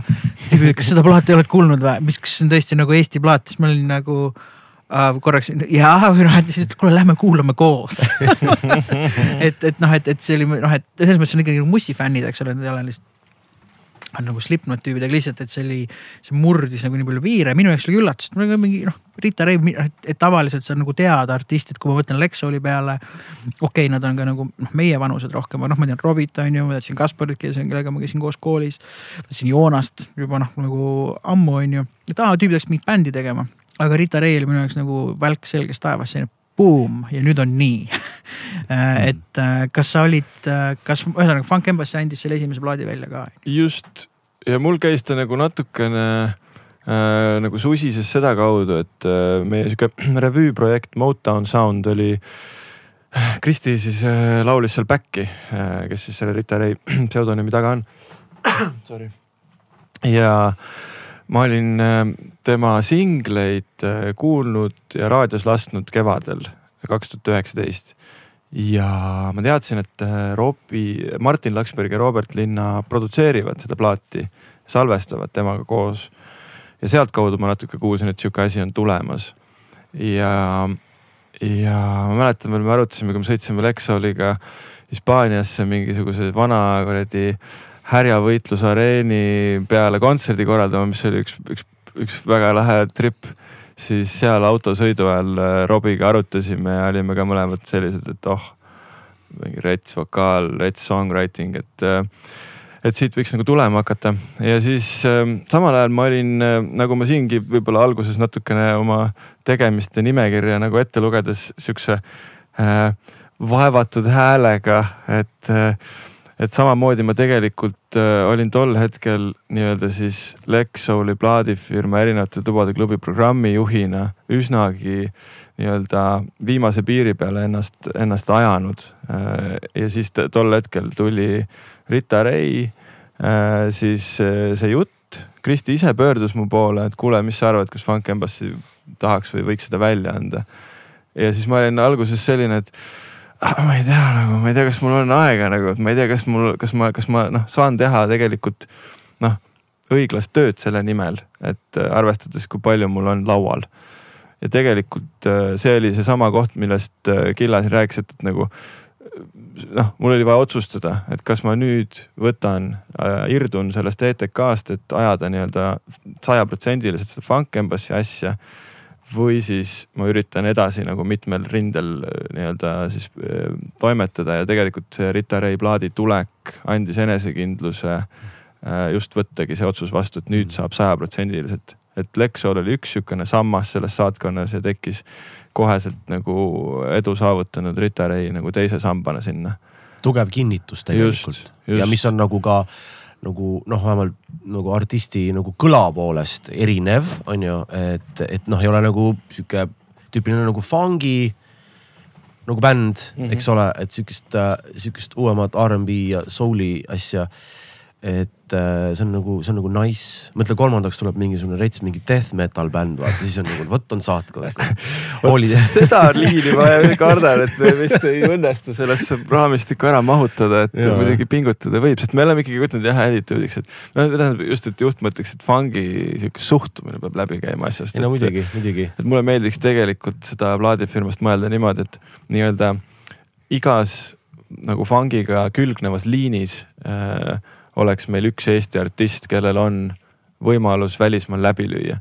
et ütleme, kui meil on nagu Lexu puhul siukses toores fungi küttes äh,, Rita Ray puhul siukses soul'i ja vanakooli R'n'B võtmes, et siis näiteks siia kõrvale veel mingisugune siukene äh, sündimuusikaga võib-olla sihuke puugim asi, mis nagu mm. noh, et et, et lahe oleks, kui igas liin, liinis on mm. midagi, sest et nagu kõik need liinid on need, mida mulle endale ka meeldib kuulata, raadios mängida ja mm., ja kursis püsida, mis maailmas toimub ja neid, neid kontaktivõrgustikke luua, et eks ta natuke sinna suunas nagu areneb. no ongi no sihuke Rick James kaheksakümnendate variant. seda, see on nagu puudu Eestis praegu. ja noh, ongi, et, et, et noh, muidu ju vaata siuksed suured artistid ju surfasid erinevatel kuuekümne, seitsmekümnendatel, aga nad tegid ka kaheksakümnendatel, et kuidas nagu seda kaheksakümnendate esteetikat nagu sihuke nende mussis ja, ja, ja endiselt nende enda swag'i hoides, aga kasutades neid siukseid vidinaid tolle ajast, see on nagu põnev jah mm. -hmm. no just. mul oleks vaja oma silksoonikut võib-olla ka midagi, midagi säärast, miks mitte. jah, jah, absoluutselt no muidugi, noh Mikk, äh, see on alati hea, et ta võib kõike mängida et... ei nüüd ma olen äh, Kaspar, Kaspar oli mul kursavend Otsa koolis ja see on väga hästi läbi, et ma olen, kui Lex oli live, vaatasin, ma olen kade, sest olen endal ise hullult fännanud seda mussi ja seda on nii kihvt mängida. Mm.. et äh, sa oled vaata, et kurat, väga hea keeg on tüübil noh, noh, et see on nagu magus see ei ole nii, nii nagu lihtne mängida, noh ise ka nagu töötava muusikuna on ju, et funk'i noh, kõige lähemal funk'ile, mis sa saad, on võib-olla mõnikord mängitakse mingi James Browni I feel good'i on ju mm. aga see ka natuke nii-öelda butcher itakse nagu ära, natuke tehakse, need tüübid, seal on nüansid, et seal on, aga noh, ma saan aru, et see on tantsus kuskil. aga see lugu lihtsalt noh, et, et see on üks sellistest lugudest, noh, ütleme, kui me võtame ACDC on ju, et noh, et sa. Back in black või Highway to hell, noh sa tegelikult ei parafraseeri seda. või Metallicat, sa mingit noh, Fuel'i parafraseeri vaata mm., ütleme James Browni I feel good sai parafraseerivad mm, -hmm. siis mängid nii nagu seda mängitakse. kui sa mhm. just ei tee teadlikult cover'it on ju või arranžeeri seda ümber, aga noh, et see lugu käib nii yeah. ja võiks nagu mitte kunagi teistmoodi käia, sest see töötas, see noh, see on, see on brilliant. absoluutselt, absoluutselt, aga noh, ongi näiteks fungi puhul me kõik teame, et noh, trumm on ju rütmisektsiooni üldse, mis paneb nagu selle, et tegelikult kui sinna nagu eraldi, mul lihtsalt tuli sellega meelde, et kui äh,, kui käsikäes see käib, ütleme rokk-žanriga, rokk-trummaritega, ma kunagi kuulsin, et John Bonhamile olevat hullult meeldinud The Meters äh,. noh, me ei saa, kui me räägime sellest fangist, me ei saa mainida Metersit on ju äh,. ja siis on nii, et oh, vau wow. ja siis äh, ma vaatasin mingit dokki, kus ma ei tea, kas Dave Grohl äkki mingi tõi nagu näite, see oli nagu tema dok, siis ta tõi nagu näite, sest oli nagu sequence sellest äh, New Orleansi äh, nagu äh, jatsu ja fungi ja sellest.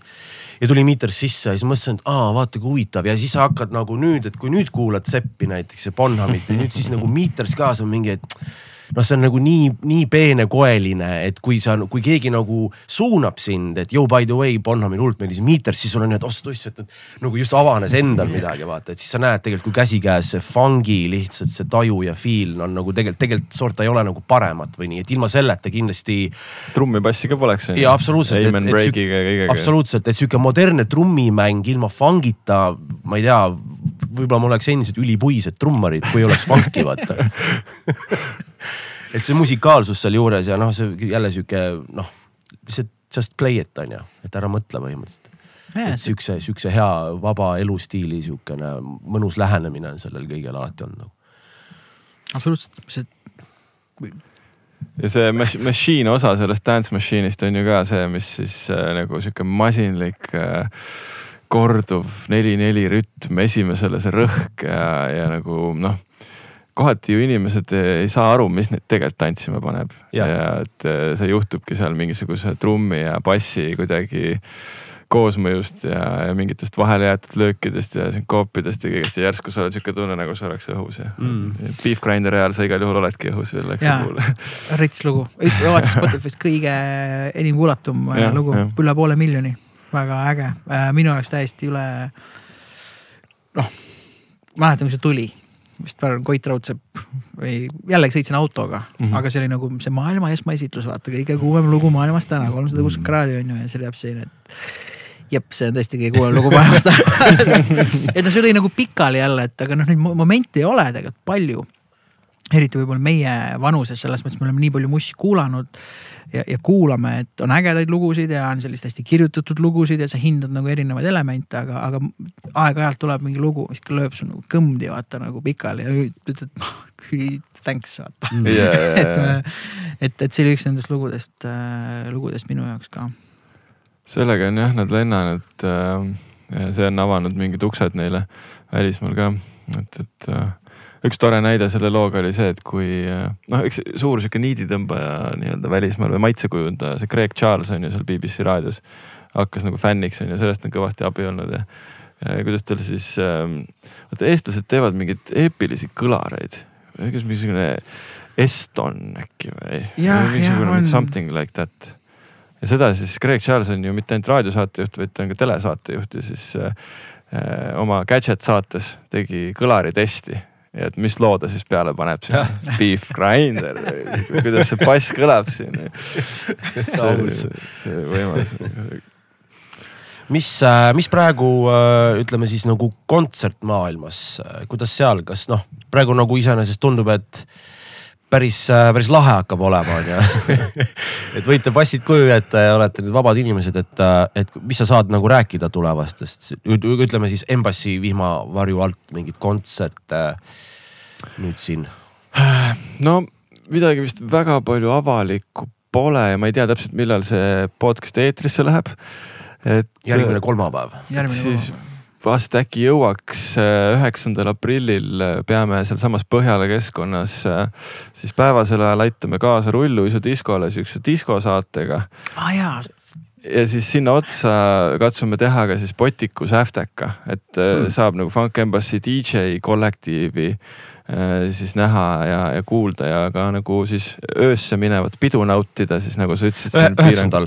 üheksas aprill jah mis ja... teed üheksandal ma lähen sinna rulluisu diskole. sama siin, õhtul minge kindlasti Potikusse seal on Aftekas siis. ja, ja seal on Aftekas ja ma olen kuulnud ja kuskil sihuke insight jutt oli just. on mega teema. ja ma olen ka teemas. mis ta oli nüüd? taktitundelise väikse pluugi eest mis ta oli, see, see on nüüd reede või laupäev, emba-kumba on üheksas jah? laupäev jah, et siis nagu tööinimesed jõuavad välja puhata ilusti, reedel oled kodus, puhkad ja laupäeval lähed värskelt, rullitad, Põhjalas on veel mingi turg.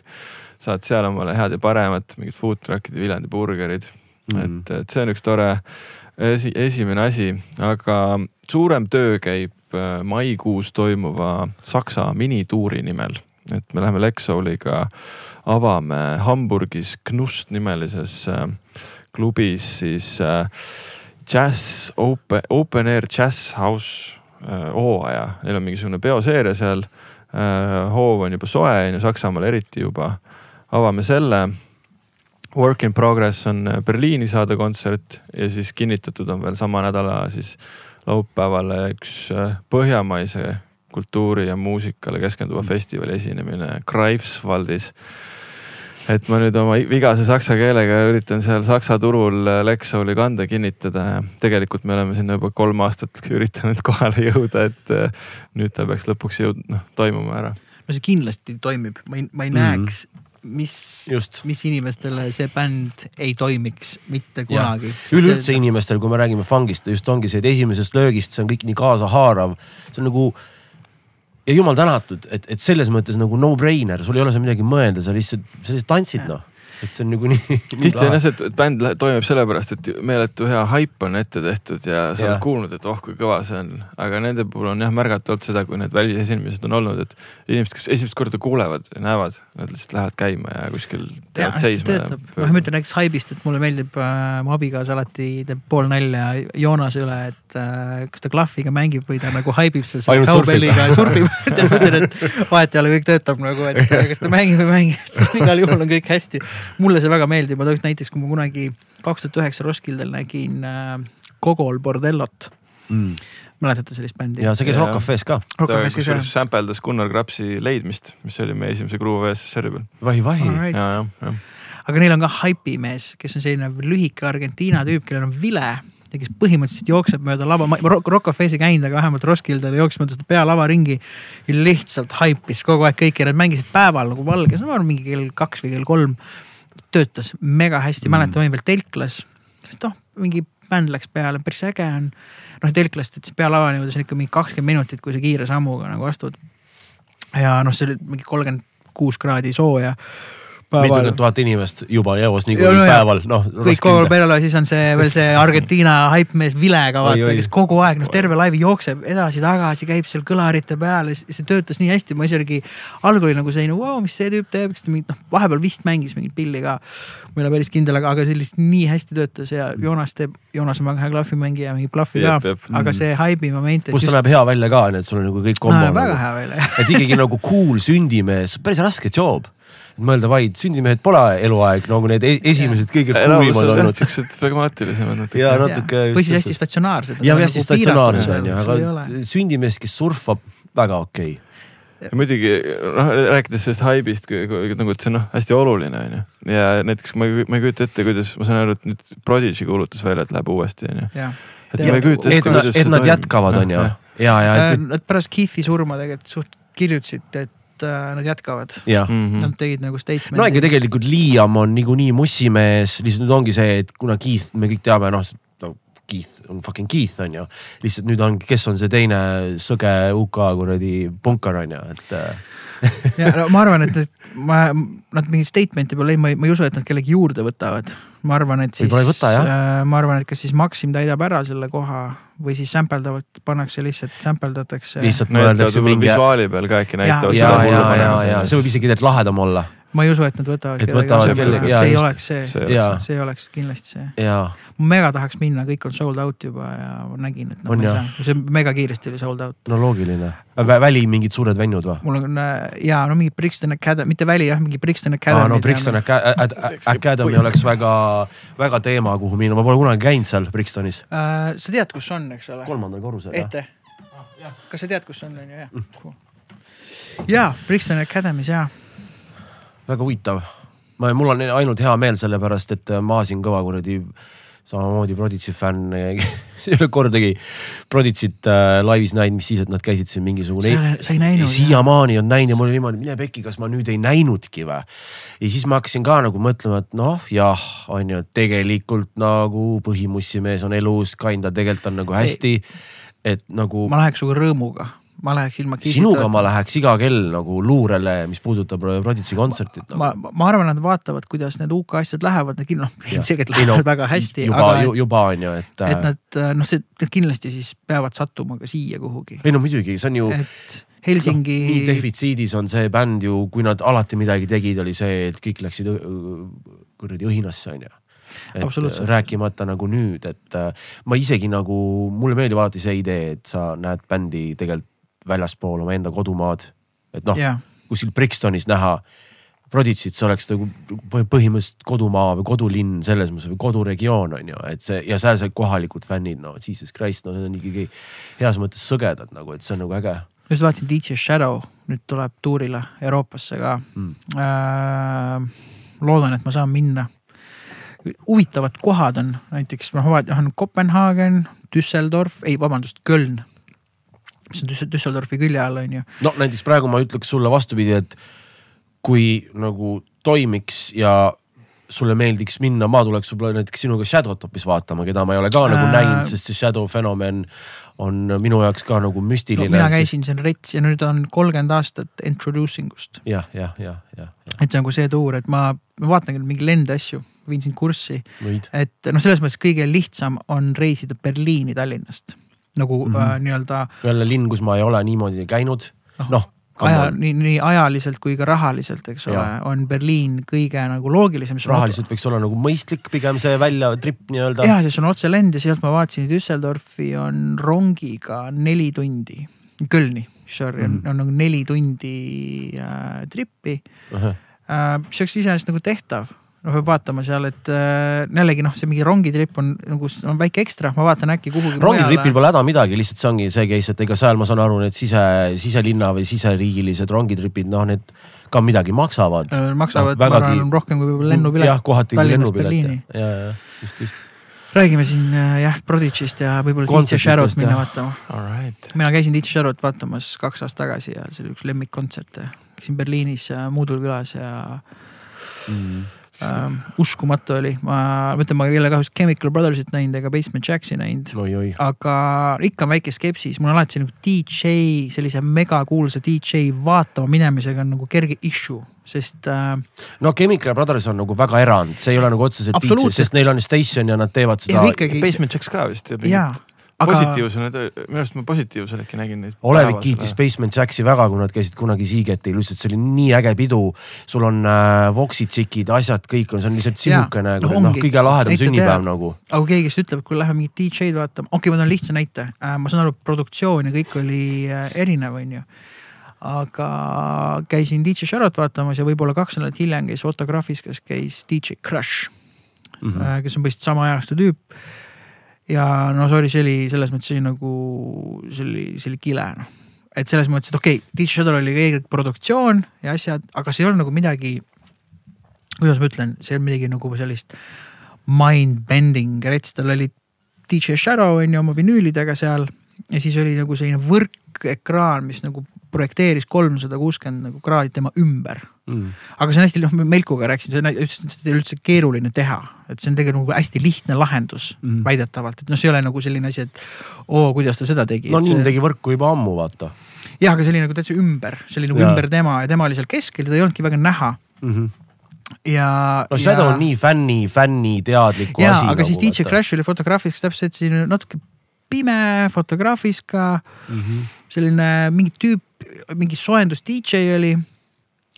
mis oli noh, täpselt keegi võiks playlist'i panna ja siis see tüüp läks nagu ära ja siis tuli DJ Crash. ei olnud nagu sellist momenti, vaata, kas sa käisid seal või? Et see oli nagu kõik mm. nagu Mm. selline tavaline veits nagu suvapidu kuskil mingis noh, ma mingi mustas puudlis keegi mängib plaate, noh, aga ei ole kõige rohkem pileteid mm. Nagu ei müüda ja noh, et see on nagu uneventful, ma tahaks öelda, ma nii ootasin seda. ja mu point ei olnud üldse kõrvutada DJ Shadow'ga, Mm aga lihtsalt, et mul oli selline. seda ma ei tea, see oli see, mis ma kartsin, et DJ Shadow'ga on, et pime, semipimedas ruumis keegi mängib plaate Mm -hmm. ja, ja otseselt ei tõmba, tõmba nii käima no seal ongi vahe, et kui sa lähed kogema DJ-d, kes on eelkõige ikkagi törndablismi viljelev DJ, vot see on, vot, vot, vot see on see, see on nii-öelda jaw dropping. Et nad näitavad seda võimekust tehnilist ja samas nad lihtsalt teevad sulle seti, mis on nii, et noh, tõesti ape shit on ju. ja kuigi äh, ma vaatasin äh, DJ Crashi vahe on. Primavera laivi äh,, mis on Youtube'is, see oli jumala legit, see oli väga äge, noh päevasel ajal ja rahvas kõik oli mm., töötas. Fun fact äh, DJ Crashi kohta, Mihkel Sillepuu korraldas seda. ei, DJ, haip oli hea, aga sorry ei, ei DJ Cra- Crash ega tema tuurimänedžer ei räägi inglise keelt. no,. palun väga. ei räägi inglise keelt noh umbes umbes mingi hello ja how are you mm. ja kõik noh, Jaapanist on ju, kõik on ainult Jaapan kas neil on need väiksed talkbox'id, kus, mis äh, laivis tõ- tõlgivad teksti? Mihkel kuidagi kätega said nagu hakkama ja kõik toimis mm. Aga see talkbox'iga on huvitav, mina olin Hiinas niimoodi õhtusöögil käinud iWare'iga, et meil oli tuuri lõpp. ja siis promootor viis meid äh, õhtusöögile. Veel niimoodi, et noh, restoran tehti lahti umbes öösel ja no ühesõnaga tüübid olid kuidagi pigem jõukad. no ikkagi Aivar tuli linna, et me teeme lahti noh. aga no me saime hästi läbi, aga see keelebarjäär oli väga legit ja oligi niimoodi, et ma ühe ühe inimesega rääkisin, see inimene hullult põnev ja ta on lähedal minuga põnev ja tal oli see jah, jah, oligi noh telefonis äpp, et sa umbes räägid, et hello, my name is Mikk. Siis paned talle, siis ta hiina keeles ütleb selle. aga üks telefon on ju, minu, minu telefon ei olnud seda, siis tema räägib oma asja, et see suhtlus võttis hullult kaua aega mm. ja siis on niimoodi, et vahepeal jääb kellegi naer, noh sellel õhtusöögil ma arvan, oli selline viisteist inimest, kuusteist inimest, kellegi naer jääb ja siis äpp tõlgib et ta nagu võttis, et kui see nagu mikrofoni tuli see naer, siis ta nagu tõlkis selle ha-ha-ha-ha. tegelikult et kuule ühed pelk- pe,, pelmeenid või midagi ja siis päästad seal kümme vintsa, et neid pelmeene tellida selle talkbox'iga onju. ja nojah, et ühesõnaga äh, see on huvitav. kusjuures äh, ma tuleks ka korraks DJ-de juurde. Funk Embassy'l ju on ka nii-öelda resident DJ-d kinda onju Just, jah, et teil alati, kes noh, ma mõtlen, kui me räägime Botikust üheksandal, siis ikkagi resident DJ-d eelkõige. Et äh, räägi, räägi oma resident DJ-dest. et see on niisugune tore lõdva, lõdvalt äh, nagu, nagu siis piiritletud äh, kollektiiv, aga meil on tõesti, meil on isegi kodulehel funkembassy.eu äh, üleval roster äh,. sealhulgas on äh, Rooma kaassaatejuht siis äh, Funk Embassy'l. Rooma P või? Rooma P, jaa mm,. muidugi. just, DJ Fucker. Ja Kersten Kõrge on äh,, tegelikult on seal ka Robbie Linna või ta on vist Boba Sphinx nimega seal äh,. Martin Laksberg on äh,, Mati Soolup siis on meil Tartu omad, Anton Malmi ja Robert Kähr. Kähri ma tean hästi. jah, et Kähri oli tegelikult ja nad kõik on olnud ja Peeter Vares on seal, nad olid kõik nagu selle asja alguse juures ka, esimestel pidudel seal mm. Kennis ja Kraalis. Et sellest tegelikult see jäi ja, ja nende sellesama pundiga me oleme käinud Island Soundil lava tegemas ja, ja erinevates kohtades, kui on, et siis mm., siis ajame cool. selle kamba kokku, et Potikusse ma arvan, sihuke kolm-neli DJ-d kindlasti tuleb. Kähr tuleb ka või? Kähri tahaks küll kutsuda sinna, sest Kähriga. ei no ma ei ole ise ka Kähri pikka aega näinud, päris lahe oleks näha teda. Sest see rulluisudisko asi ka natuke sai alguse sellest, et me kunagi Kähriga Tartus Skate Town nimelises kohas äh, mängisime. Mm.. ja, ja nüüd, kui see nagu sama teema uuesti õhus on, siis sobiks küll väga kutsuda Kähri punti. Ja Liisi Voolaid tuleb siukse naisenergiana, et äh, üks probleem meil on küll, et kuigi Funk Embassy's on nagu taustajõudude seas tiimis on, äh, ütleks mees ja naisenergia tasakaalus, siis äh, DJ-de seas on praegu ainult tüübid. ja noh, bändide seas on ka natuke rohkem tasakaalu, et mm. -hmm. aga et, et vaatame, Liisi tuleb, Liisi sobib ka väga siukse disko vibe'iga sinna rulluisu teemasse ja, ja tuleb ka õhtul peale. palju sisemussi jõuad DJ-na ju ka läbi saate jaoks ja et on sul mingi meetod või kuidas, noh sest see on ikkagi päris, iga nädal on ju Funk Embassy, et see. Ma lihtsalt toon näite, noh mina, ma ei ole mingi DJ, ma üritasin kunagi olla, ma sain päris kiiresti aru, et see, ma ei oska seda. ja mul ei ole nii-öelda sellist vähemalt loomulikku arusaama, kuidas see peaks käima ja mis see peaks olema. aga mäletan, kui me hakkasime kütttööd tegema siis mina kasutasin nagu Allmusic'i, siis me iga noh, tol ajal siis must tuli esmaspäeviti, lasti välja, on ju, praegu on reedel ehm, et ma kammisin läbi nagu Allmusic'u selle editor's choice'i ja noh, ma reaalselt kuulasin, no ütleme klassikalist mussi ei kuulanud sealt läbi, aga päri noh, enamik asjad ikkagi ma download isin illegaalselt Soulseekist. Mm, ja ma viskasin nagu kõrva peale, et ma ikkagi põhimõtteliselt oleks võinud olla Allmusicul kui selline Soulseeki kanal, et kogu selle nädala muss võiks kohe ilmuda sulle kõva kettal, on ju. et äh, et, et sealt ma avastasin näiteks Bon Iveri enne, kui ta mega kuulus oli asjad, et noh, selline hästi nagu põnev aeg oli, aga mingi hetk mul ei olnud enam energiat või kuidagi. huvi ma ei taha öelda, aga ma kuidagi ei jaksanud seda teha enam, mul on kahju, sest ma arvan, mingit kaheksa aastat muusikat kadus nagu ära minu jaoks, sellist nagu mingisugune vahe jäi. ja nüüd ma olen jälle hakanud tegema seda, ma ei download'i küll kõiki, need on Spotify, aga ma iga reede, kui mul see newsletter tuleb, siis ma noh, silmadega vaatan, vaatan üle, vaatan mingid label'id, vaatan mingid artistid ja jällegi olen leidnud mingit cool'i stuff'i. aga mis sinu meetod on, kuidas sa, kuidas sa jaksad see on hea point ja nagu natukene seda ikka tajud ja jällegi sihukese eksistentsiaalse küsimuse koht, et kas ma nüüd kuulan muusikat sihukesel utilitaarsel äh, põhimõttel ainult või. et, et nagu DJ-na sul tekib tihti selline tunne, et äh, okei okay,, see sobiks õhtu algusesse, see sobiks mingisugusesse tipphetke Äh, see sobiks saatesse. ja siis sa paigutad seda kogu aeg lahtrisse sildistad ja, ja kui ta ei sobi kuhugi, et kas ma siis üldse ei kuula seda või. et kohati sihukene mingisugust ambient äh, müra kuulata nagu hoopis on, on oluliselt mõnusam äh, ja, ja imelik on kuulata mingisugust äh, lõbusat diskot, on ju. ja, ja võib-olla ma ka nagu sellest lähtun, no ütleme, kui natuke tagasi kerida ja sellest Soulseekist rääkida, siis tegelikult see on minu jaoks, kuna ma olen, olen üheksakümnenda aasta sündinud ja mu sihuke muusikaline teadvus äh, nagu arenes rohkem välja seal äh, kolmteist, neliteist, viisteist, et siis tegelikult minu, ma ei olnud see, kas ma, et ma tiigin vinüüle, vaid ma tiigisin Soulseeki ja seal tekkis mul mingisugune tegelikult strateegia, kuidas nii-öelda läbi võib-olla kogumikke, mis mulle meeldisid, hakata süvenema sealt kogumiku pealt mingisse artisti. siis tekkisid mingisugused siuksed äh, hingesugulased seal Soulseekis, võib-olla see oligi üks point'e ka, et sa saad tegelikult said ju seal minna teise inimese arvutisse mm -hmm. kataloogidesse ja seal ringi vaadata ja, ja lihtsalt katsetada nagu, et osa tiigimisest oligi sihuke, et lihtsalt tõmbad midagi, mis, mis tundub, et võiks, võiks olla cool ja siis lükkad vinampi, ma siiamaani kasutan vinampi. ja siis, siis kuulad sealt läbi ja kui avastad mingi pärli, siis tegelikult on ka natuke sihuke tunne on ju, et ma nüüd avastasin mingisuguse pärli, millest võib-olla keegi teine ei tea, on ju. ja siis ma, ma saan selle esile tuua, on ju. Mm. et noh, nüüd, kus ma olen veits vanem äh,. ma, ma tihti leian ennast ostmas vinüülil neid asju, mis ma kunagi Soulseekist leidsin Äh, ja, ja nagu nii-öelda ma nüüd lõpuks annan tagasi, on ju. Äh, ja, ja väga palju asju nüüd, kui tänapäeva tulla, siis äh, ostan Bandcampi kaudu. et super viis, kuidas otseartisti toetada, super viis, kuidas saada häid kvaliteetseid faile kiiresti kätte, mis raadiosaate puhul on oluline, on ju. et mõnikord jääbki mul, ma ei tea, tund aega, et valmistada ette tunniajast saadet et siis ma teen küll kiiremaid liigutusi selles, et vaatan oma Spotify reliisradarit vaatan võib-olla, mis HHV äh, tabelites toimub, on ju, hea saksa plaadipood, kus on just väga hästi nagu noh, ära toodud kategooriatena orgaaniline groove, disko, edit'id on ju, et parasjagu, mis tuju mul endal on, ma saan sealt natukene juhinduda, et, et need tujud nagu vahelduvad ka.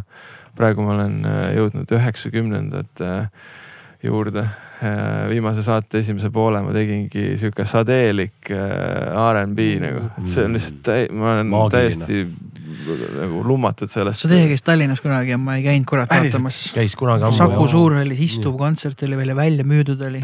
vot sellepärast ma ei käinudki, et välja müüdud oli, see oli, ma arvan. see oli Saku Suurhallis või? Saku Suurhallis, see oli üheksa või kümme aastat tagasi. aa, mulle nagu tundub nagu kuskil. suure bändiga kõik värgid, istuv, välja müüdud, oligi välja müüdud, ma ei saanud vist isegi kes noh, kõik me teame, kes korraldasid, sorry, mul lihtsalt noh, istekohad on, ma ei saa, ei ole. tal peaks, tal peaks uut muusikat tulema. Sadee on äh, tagasi puldis jah mm.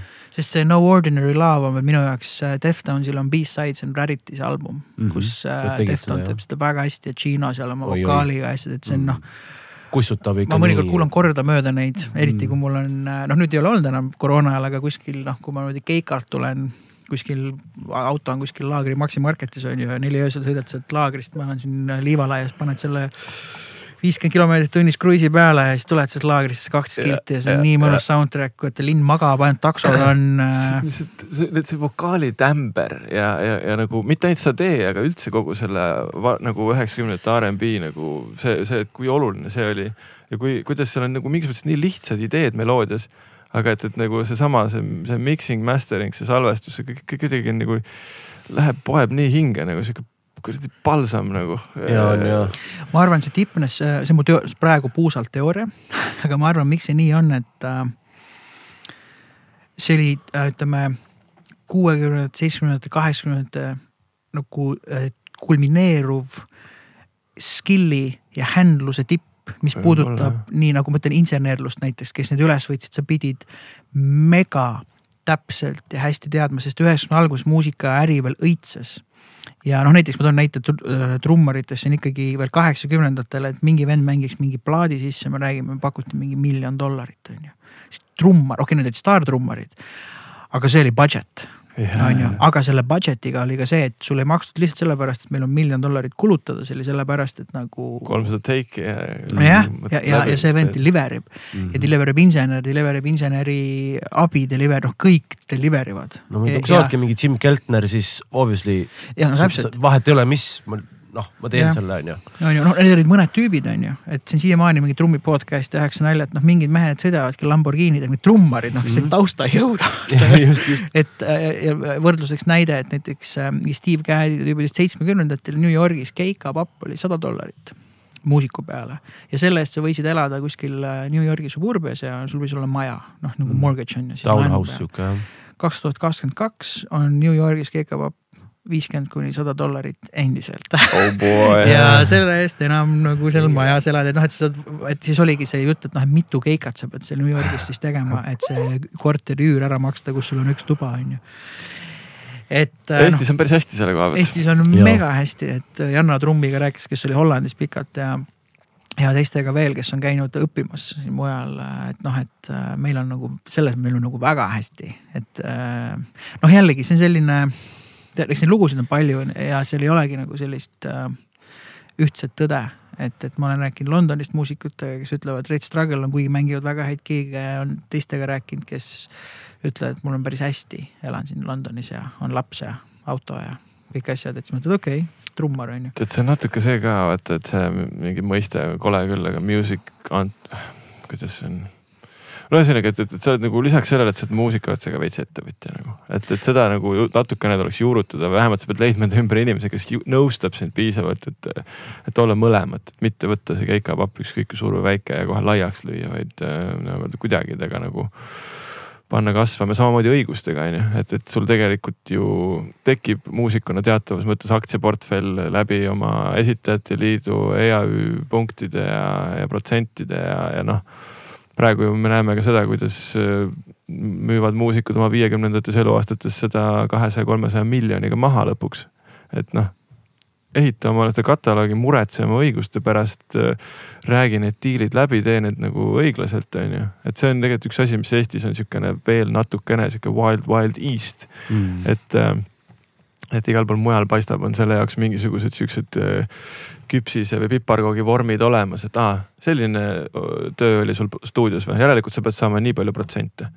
Mm. või siis, et sellist nagu rolli mängid sa laivis, okei okay,, järelikult on sihuke tasu umbes, et, et noh, meil käib see kuidagi nii case by case ja, ja mulle tundub vähemalt, et kohati lihtsalt, kes on vähem teadlik nendest asjadest, siis äh, lihtsalt kaotab nagu. absoluutselt, ma nõustun sada protsenti ja nüüd ma arvan Music Estonia tulekuga ja Otsa koolis ja kõik ained, et see, et see muutub. Sest mina samamoodi, enne kui ma töötavaks muusikuks sain, mul oli null tööriista. ja mulle tõmmati ikkagi mitu korda ka niimoodi, et ma pärast, aa okei okay,, tegelikult oleks pidanud olema nii, nii ja nii ja nii.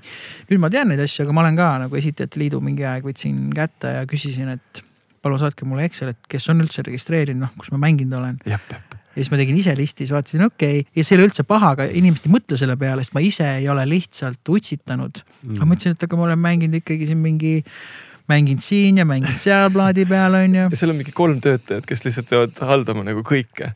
nagu see on nagu nii understaffed kui üldse võimalik ja ähm, keda see teema tegelikult rohkem huvitab, siis ma teen ühe siukse reklaamipausi veel, et kolmkümmend üks märts on muusikaturu fookuspäev, mida veab äh, Tallinn Music Week ja Music Estonia vast ka mingil määral ja ma modereerin seal äh, paneeli äh, rahadiilide teemast ja Mm. tulevad rääkima Oljumid, Tea Saitsev ähm, ja Aarne Valmis kusjuures. et ma saan veits kuulda võib-olla ja, proovida avada ka seda, kuidas siin üheksakümnendatel ja kahe tuhandetel on, on promootori diilid olnud. Ja tahakski just nagu ja, ja Kristjan Heinmets, kes on üks noor tüüp, kes äh, on isegi Hollandis musatööstuse teemadel õppejõud ja, ja, ja nagu sihuke tüüp, kellel on päris hea kogemus, kes on kirjutanud äh, Sky meediasse häid autori te, äh, nagu õiguse teemalisi artikleid, et et, et nii-öelda proovidagi tõsta seda pädevust proovida seda nagu nii-öelda välja tuua, et miks peaks olema see rahajutt siis mingisugune sihukene pinget tekitav Mm. äh, suletud uste taga asi nagu. teataval määral sihukest äh, skeene nagu standardite loomist ma vist pooldaks, kuigi noh, see ei ole nagu lõplik vastus, et võib-olla see Mm. mis kell see hakkab? See on terve kohas? päev äh, ja minu arust see on Von Krahlis, Ah, vähemalt eelmine aasta ta oli Von Krahlis. kõlab huvitavalt, tegelikult tahaks isegi, meil on sel päeval on Rauliga on, on, on, on salvestus, aga samas, kui see päev otsa kestab, siis saab siin hiljem ka liituda, ma arvan. ja no vaatame, see kuupäevaga on. Kolmkümmend üks märts, õhtul läheb veel musa, musatööstusauhinnad on veel samal õhtul läheb edasi. aa ja, ja õige, õige, õige. oota, oota samas kohas veel või? ei, see musa ettevõtlusauhindade asi on Protos. aa kuidas, kuidas teil sellega, te olete nomineeritud või kuidas sa seotud oled? me saime, me saime neli nominatsiooni. Äh, aasta muusika eksportija, aasta muusikaettevõte, aasta muusikaettevõtja ja aasta mänedžer. Wow, nice. nii et äh,. sul üks aasta mänedžeri tiitel on hõlma all juba on ju? jah, eelmine aasta. eelmine aasta, jah. õnnestus äh, nende koroonaaegsete äh, projektidega vist, et ei jätnud nagu paati seisma mm.. väga põnev, alati loen su neid äh, postitusi või artikleid, äh, mis sa teed, väga, väga tabav ja väga ratsionaalne, et ei ole emotsionaalne yeah., mitte et, et, et ei oleks emotsionaalne, vähemalt, et sa mm. loed, saad aru, et sa oled nagu läbi mõelnud ja sa oled argumenteeritud, et, et ei ole mm. nagu selline lahmimine, et ma isegi, ma ei ütle, et ma ootan neid, sest nad ei ole ju kunagi nagu jee, kõik on mega hästi mm. aga nad on äh, jah, argumenteeritud ja hästi läbimõeldud, mulle väga meeldib mm. see. sest need ongi vist sellest kõige pigem inspireeritud, et ma lihtsalt hakkan hommikul arvuti taga tööd tegema, siis saan aru, et ma kurat ei saa edasi minna, kui ma ei ole nagu öelnud välja mingeid mõtteid ja tegelikult enda jaoks ka lahti mõtestanud ja kirjutanud.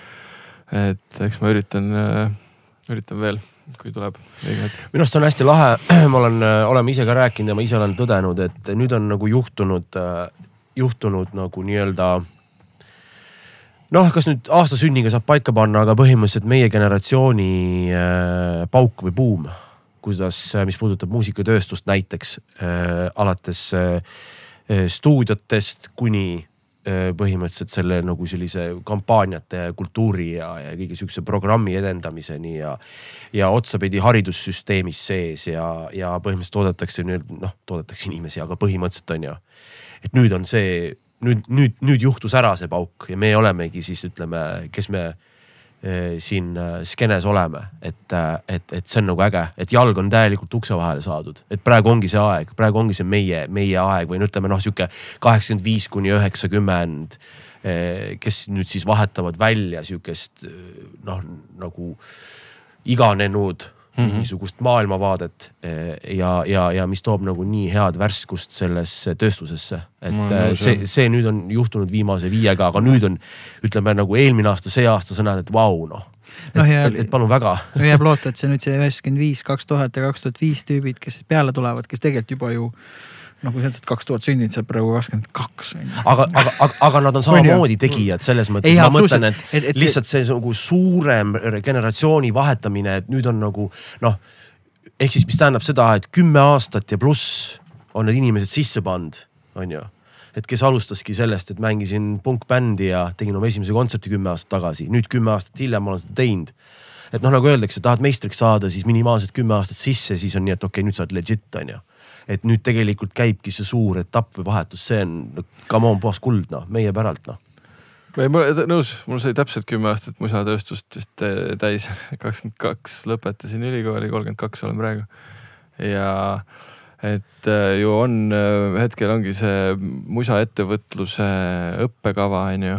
Nüüd seal Mubas tõmmatakse seda veel suurema nii-öelda tiiruga käima, et see kõik noh, EAÜ-s oli siis äh, generatsioonide vahetus juhtkonnas ja tegevjuhi äh, positsioonides, et, et seal nagu toimub, on ju. Mm.. ongi jah, Music Estonia oma värskusega ja mis Virgo mm. Sillamaa siin on, on nagu alguse pandi, just see, et, et meieealised taipavad äh, noh, olles värskelt tulnud sellest nii-öelda äh, algusest, et äh, mis need siis rohujuure tasandil muutused ja, ja uuendused ja parendused vajalikud on et muuta midagi nagu suurt, äh, suures pildis nagu pikemaajaliselt, et mm. äh, seda on põnev jälgida ja osa olla sellest ja, ja hästi tänulikuks teeb äh, see nii-öelda grupp inimesi, kellega saab igapäevaselt neid asju toimetada ja ajada ja see noh, ühelt poolt see, et võib-olla meil on see pirukas nii väike sellepärast keegi väga ei tülitse selle üle.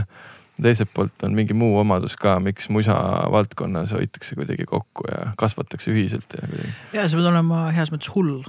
sa tead väga hästi, et Exceli, me oleme siin ka rääkinud palju, et isegi ise trummarina mõnikord, kui ma paneks selle Excelisse ja küsiks nagu mingi ärijuhtimist, inimese õppinud arvamust, ütleks, et noh, et lase firma pankrotti või müü oma pask maha ja mine kooli, õpi midagi, onju. aga just see, et sa selle kire pealt ja entuka pealt äh, et ja see viib tegelikult sihile, et, et mm. siin endal näen, et mina, mina olen kolmkümmend kuus suvel, aga et, et äh, ma siin paar aastat tagasi olin valmis juba alla andma. isegi mitte ainult koroona tõttu, lihtsalt üleküllastumus kõigest oli nii ränk, et mõtlesin, ma tahaks nagu võib-olla stutsi asja teha nagu edasi, aga nüüd hiljem, kaks aastat hiljem mõtlen, et jumal tänatud, et sellist mingi ülimadal seis ja jällegi viimaste kuude arengus mingid uued pakkumised ja asjad niimoodi tulnud, mõtlen, et ma poleks kunagi arvanud, et mm. need asjad juhtuvad. kui sa nüüd tehniku võtad, siis läheb sul elu veel ilusamaks see ongi see, et lihtsalt kurat, kaua ma vean neid tünne siin, ma ei viitsi, ma ei pea seda tegema, ma pean mängima. no ühesõnaga jah, see, see, see, see ka. kusjuures ma siin tegelikult lisan veel seda, et see vanus ei ole nüüd nagu põhiline küsimus, aga kui me räägime üldist tendentsi, et see generatsioonide vahetus, mis teeb tuju heaks, on see, nagu sa mainisid Aarne, Aarne Valmis ja, ja tüübid, kes on nii suure miili ja sihukese kogemusega, et neil on nii äge seda kõike näha ja, ja nad näevad, et neid väärtustatakse ja, ja, ja, ja palun räägi meile ka, sest tegelikult ega olenemata ajastust, struggle on sama, vaata on ju, et selles mõttes, et noh, isegi siin mingitel paneelidel käinud kuulamas, kus pealtnäha nõukaajal ei olnud mitte midagi. ja siis sul räägivadki sul sersant ja mm, -hmm. ja Sirel siit Ääts on ju, kuidas asju aetasid, et mine pekki, elu nagu filmis noh, et, et mis mõttes, et, et ei olnud, ei kõike oli, aga lihtsalt sa pead, sa pead jõudma sellesse õigesse punkti, kus need asjad juhtuma hakkavad, eks. või sinu saadet kuulates, kuidas Mikk Targo rääkis, kuidas asju tehti, see oli väga lahe saade, mulle väga meeldis, mulle Mikk Targo väga meeldib. tal tuli nüüd raamat välja aa, tuligi nüüd jah ja...? aa, siis ta vist isegi rääkis sellest ka äkki või te ei rääkinud? ta vist veel ei rääkinud. veel ei rääkinud jah. et aga tal on päris kaua on ta teinud seda küll, et ta võis seda mainida möödunud, sest et ta, ma ei no, tea, kas sa ütlesid tegelikult kaheksa aastat tal läks kokku või no,? ja teine megaraamat on Aari Tuubini Ma lihtsalt olin siin Aari Tuubin, legendaarne võt, mänedžer, admin, uksevend, promootor, DJ-pidude korraldaja, nagu see on nii, nii sõge raamat. see tüüp oli ka sellel paneelil ja see noh no osad Come nendest on. ju, ju toimetavad, on ju, Aivar Sirelpuu peab Alexela kontserdimaja nagu täiesti meisterlikult ja räägib alati kaasa kõikides paneelides ja mõtetes ja on sihukene juht ja eestvedaja, et võib-olla see jah, et ma ei oskagi öelda, generatsioonide vahetus pole võib-olla õige, võib-olla sihuke generatsioonide vaheline koostöö on isegi oh, õigem oh, öelda oh,. Et... et ma just tahangi, et ma ei taha nagu üldistada, et veits valet maiku jääks, et ma pigem tahaksin täpsustada seda, et, et, et nagu, et justkui nüüd on nagu kaasvõitlejaid rohkem võib-olla ka nende enda pilgu läbi vaata, sest noh vahepeal nagu ei ole kinda nagu ju noh, nemad olidki ainukesed, eks ole. kuidagi mingi hetk nagu siis, kui mina hakkasin nagu nii-öelda seda, seda, seda mänedžeri rolli omaks võtma, siis mul oli sihuke tunne, et ma kurat, ma pean nagu äh, kuidagi noh mis on see petise sündroom on vist nimetatakse isegi mm -hmm. sihukest asja musas nagu tuuakse esile, et, et sa kuidagi pead näo pähe tegema, et see üldse on mingi päris amet ja sa pead veenma teisi inimesi, et mm, -hmm. et sa nüüd oled selles ametis ja et, et sellel on mingi väärtus, et see ei ole mingi mänguasi mm. -hmm. et, et seda nagu enam mulle tundub, ei pea tegema. ongi reaalselt õpilased tulevad kooli, et ma tahan mänedžeriks saada ja, ja noh, võetaksegi nagu eesmärk, et oh, mulle meeldiks loomemajanduses töötada, onju. mitte see ei ole see, et ah, ma ei kukkusin muusikuna läbi ja nüüd mul ei jää muud üle, kui olla midagi muud, onju. Mhm. et, et kuidagi nagu sellel on mingisugune prestiiž tekkinud. ja, ja, ja kusjuures lisaks veel see, et mis nagu siukse noh, elustiil on ju, et äh, hästi palju käsi käib, käsikäes käibki see mentorluse asi, vaata et noh mm -hmm., räägid Aari Tuubinist on ju, sa saad temaga hästi läbi, see tal tekibki juba see mentorluse suhe ka.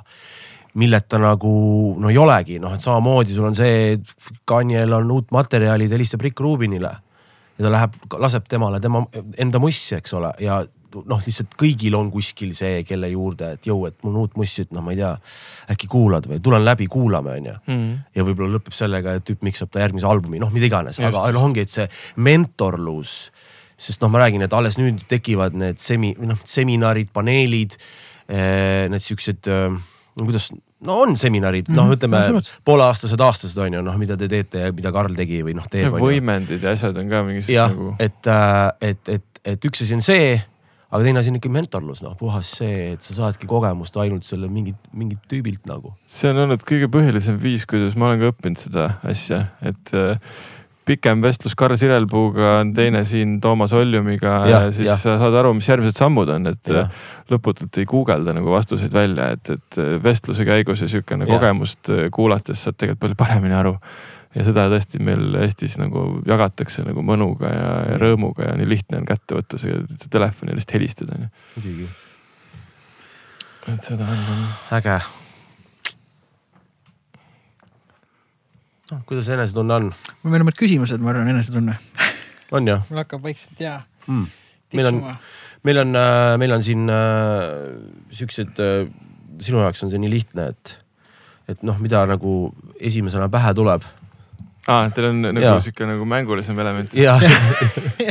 sain. et kui sa saaksid kellega iganes koostööd teha, siis kes see oleks?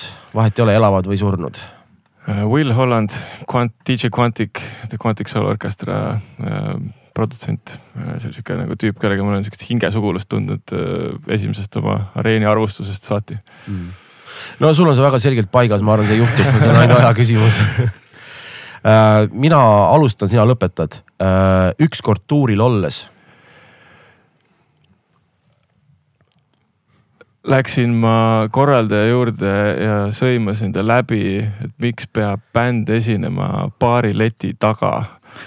Äh, kus, et noh, et, et lava ees on lihtsalt sihukene nagu kõhuni, isegi natuke üle nagu suur, jõuline nagu statsionaarne baari sihukene pukkide rida nagu ehk et Lexol pidi siis äh, Soomes festivalil esinema seal taga, kusjuures lage oli ka veel sinna otsa mingisugune ainult mingi medra vaadake peale. ja mul läks püha viha täis. Äh, et mis mõttes vaata, et nagu tõstke see ümber, siin on üks lava veel, las nad esinevad seal. ja mis juhtus tegelikult selle kõige tagajärjel oli see, et see oli noh nagu sihuke KPK-lik, täiesti packed, higine, rets, küte samal ajal Herbalizer pidi kõrval laval olema peaesineja tol õhtul. Ah. ja lihtsalt ei lastud Lexoli minema, Herbalizer oli juba laval valmis alustama ja kõik olid ikka veel puntras selles nii-öelda B-lava kuradi baari leti taga, seal üritasid saada aru, vaata terve aeg Joonas mängib seal leti taga, sa ei näe ta käsi ka vaata, sest et teda lihtsalt ei ole näha nagu, aga ta lihtsalt haibib seal ülakehaga kaasa vaata. ja, ja. ja selle tagajärjel tegelikult said ka bänd, Bori Jazzi programmijuht oli sealsamal kontserdil ja sai bänd Bori Jazzile järgmisel suvel, nii et oli nagu päris äh, rets lõpuks kõige hullem nõuanne, mis sa kunagi saanud oled?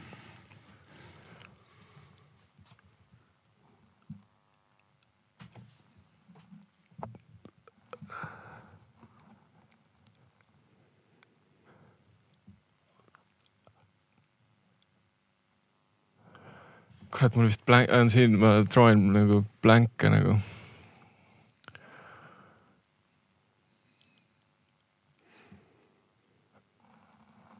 jah, mul ei tule pähe niimoodi.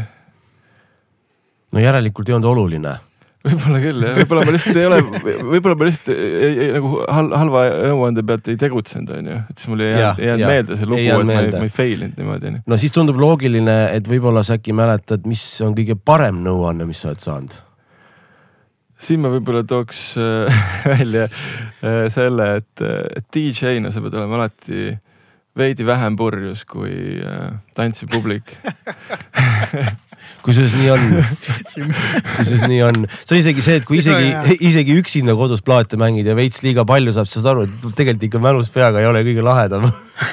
Just mitte, et see üldse peaks purjutama, et, et ma nagu siin vahepeal äh, tervisega seoses äh, nii-öelda veetsin äh, peaaegu aasta aega igasuguste nii-öelda meelemürkidet ja, ja oli suurepärane aeg, õppisin täiesti uutmoodi nagu hindama mm. seda ja, ja sain kaine peaga ka DJ-tud mm.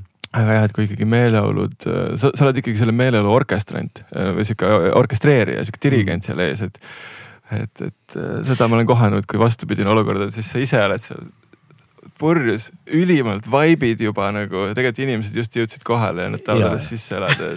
täiesti ja, mingi Jeesuse poosis seal juba. ja nagu..., ja, ja, ja see on hästi raske sul ennast nagu panna nende, nende sellest, ma ei tea, ma alles tulin kaine päevaga tegelikult noh, ise juba ammu sõidad, eks ole.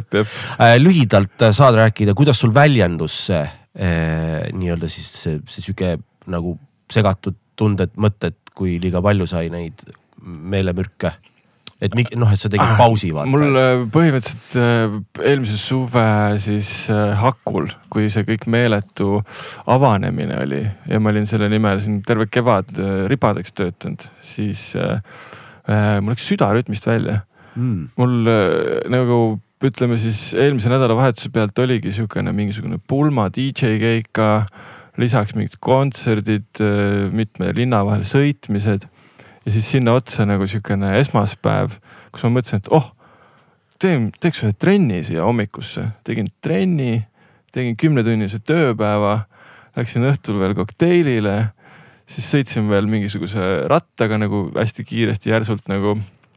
ja siis täitsa õhtul koju jõudes lihtsalt diivani peal istudes tunnen, kuidas äh, äh, tüdruku pea oli nagu rinnul, vaatasime telekat ja lihtsalt nagu tõstab pea üles nagu vau wow kuule, mis toimub nagu. et noh, selline nagu südame kloppimine, pekslemine ja käisin veel, magasin öö ära, mõtlesin, et ma ei tea, äkki, äkki läheb üle. siis hommikul sain aru, oleks peaaegu pikali kukkunud, et ei lähe üle. siis kiirabivärki, EMO-sse, tilgutite alla ja siukene, et kuule, nüüd me üritame sul seda, et rütmi tagasi saada, et. et siukene noh, endal tegelikult kuna oledki nii kirglik selle töö suhtes ja nende tegemiste suhtes, siis sa ei taipa, et võib-olla su keha on läbi põlenud mm.. ehk et äh, mingi väga pikaajalise ületöötamise tulemusena ja siis sinna otsa see, kui see asi nii-öelda pihta hakkas mingi kuuma laine keskel. noh, mingid reaktsioonid on ju, et füsioloogilist mingit viga ei leitud, mingit geneetilist nagu mure nagu ei, ei, ei nähtud mm aga et, et selle ilmselt sihuke stress, ülekoormus, too much lihtsalt. see on, äh, see on see, et, äh, et tead, ega üldjuhul me hakkamegi nagu, nagu teadlikumalt ja targemalt enda kallal töötama kui see ühe, vähemalt ühe korra on juhtunud nii mm. -hmm. enne seda me lihtsalt, kogu aeg on nii hea noh, sest sa teed oma lemmiktegevust ja all good vaata. ei, mul on hea meel, et, et läks hästi. ega see jah ongi, see nagu sa ütled, see on sihuke teine sünnipäevatunne vaata, et ja, see ja. nagu paneb kõik perspektiivi ja, ja ma arvan, et noh tegelikult ongi hea, et see nüüd juhtus on ju. et, et äh, väga palju häid asju on selle järel tulnud ja see on olnud pigem ja. nagu võimalus äh, nii-öelda õppida, kohaneda ja võib-olla see on ka üks põhjus, miks see, miks see tiim ja kogu ettevõte nagu selliseks on praegu hakanud kasvama, et nagu teataval maal, teatava maani ikkagi ju.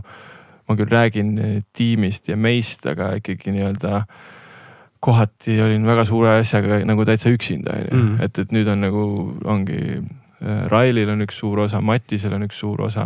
Äh, võtame punti, on August on promootor, Maria on booking on ju, et kõik mhm. see, mida ma ennem nii-öelda pingutasin ise teha, nüüd siis nii-öelda saavad noh, spetsialiseerume nendes valdkondades ja see nagu äh, tekitab ka hingerahu ja veits võtab maha seda, ma arvan, seda just seda sama stressi ja sihukest ületöötamisvaibi väga hea, väga hea õpetlik. ja äh, ongi, sest hästi pikalt sa tegelikult äh, ongi seda oma asja tehes, sa peadki seda üksi nagu panustama mingi piirini, sellepärast et kui pärast on see meeskond, sa saad Mariest August mainisid jah yeah,? Yeah. sa saad neist aru, mida nad nüüd räägivad või noh, saad aru, et, et, et sa, see empaatiavõime on nii hea, et noh, nagu ma ei tea, mingid kuskil produktsioonis, et sa võid olla kaameramees, aga sa võib-olla oled näiteks eelnevalt äh, olnud kursis äh,, ma ei tea, graafikutööna või nii, et ühesõnaga kui graafik räägib, siis ma, ma saan tast nüüd noh nagu just. aru või nii, et lihtsalt need sopistusi nagu natuke täita ja siis tuleb see inimene.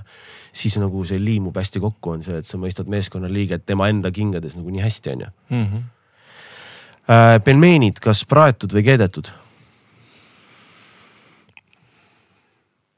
tead, mulle meeldib veits keeta neid ja siis praadida. Mikule ka. sama teema, sama teema ja ma isegi mõnikord praen, siis keedan ja siis praen ja ma panen need nagu puljongisse äh, panni peal ja siis pärast väikse võib-olla isegi sojakastmega üle. ühesõnaga tegelikult mulle meeldivad pelmeenid igas mm. versioonis, aga et ütleme, ma olen näinud sihuke mikulaadselt spetsialisti tasemel. mina teen niimoodi, et ma, ma pole ammu teinud peaks tegema, meil on Killaga pasta õhtu tegemata, teeme pelmeeni õhtu. ja võime pelmeene lisaks teha. aga ma, ma, ma tegin seda küll hästi, hästi ammu, aga ma keedan. hullult seksikas kombo on. siis kohe, kui tõused pinnale, kohe nagu keetmine läbi, aga ma praadisin neid mingi Santa Maria mingi grill selle gleiziga mm.. see gleis on muidu see, vaata, mis muidu glasuur, mis pintsliga pannakse grillliha peale, aga ma praadisin nagu nende sees või selle sees. gurmaan noh ja siis peale teed sellise tomatikurgi äh, kapsasalati, Hiina kapsa sinna peale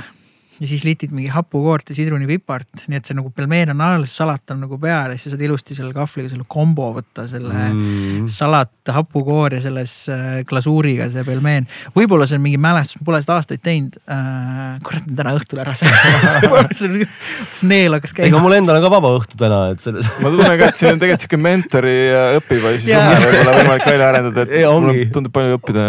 ongi, ongi sama siin, ei no väga, väga täpselt paigast, jesus christ, no kuidas Exceli põhjal pelmeene teha. ma olen Prismas mööda kõndinud, mingisugune on eraldi kapp, kus müüakse mingit Beijingi või mingit selle maa, ongi eraldi kapp, ainult neid pelmenkusid seal. mingi puljangi potskud on ka seal kõrval mm.. aga neid peab vist aurutama, seda peab vaatama. no küll sa tead väga hästi uh,. minu nimi on Henrik ja ma olen. töönarkomaan. Well put aitäh sulle, et sa tulid. Thanks mees. Thanks mees. Mr Ehte. aitäh kutsumast, väga meeldib. Rõõm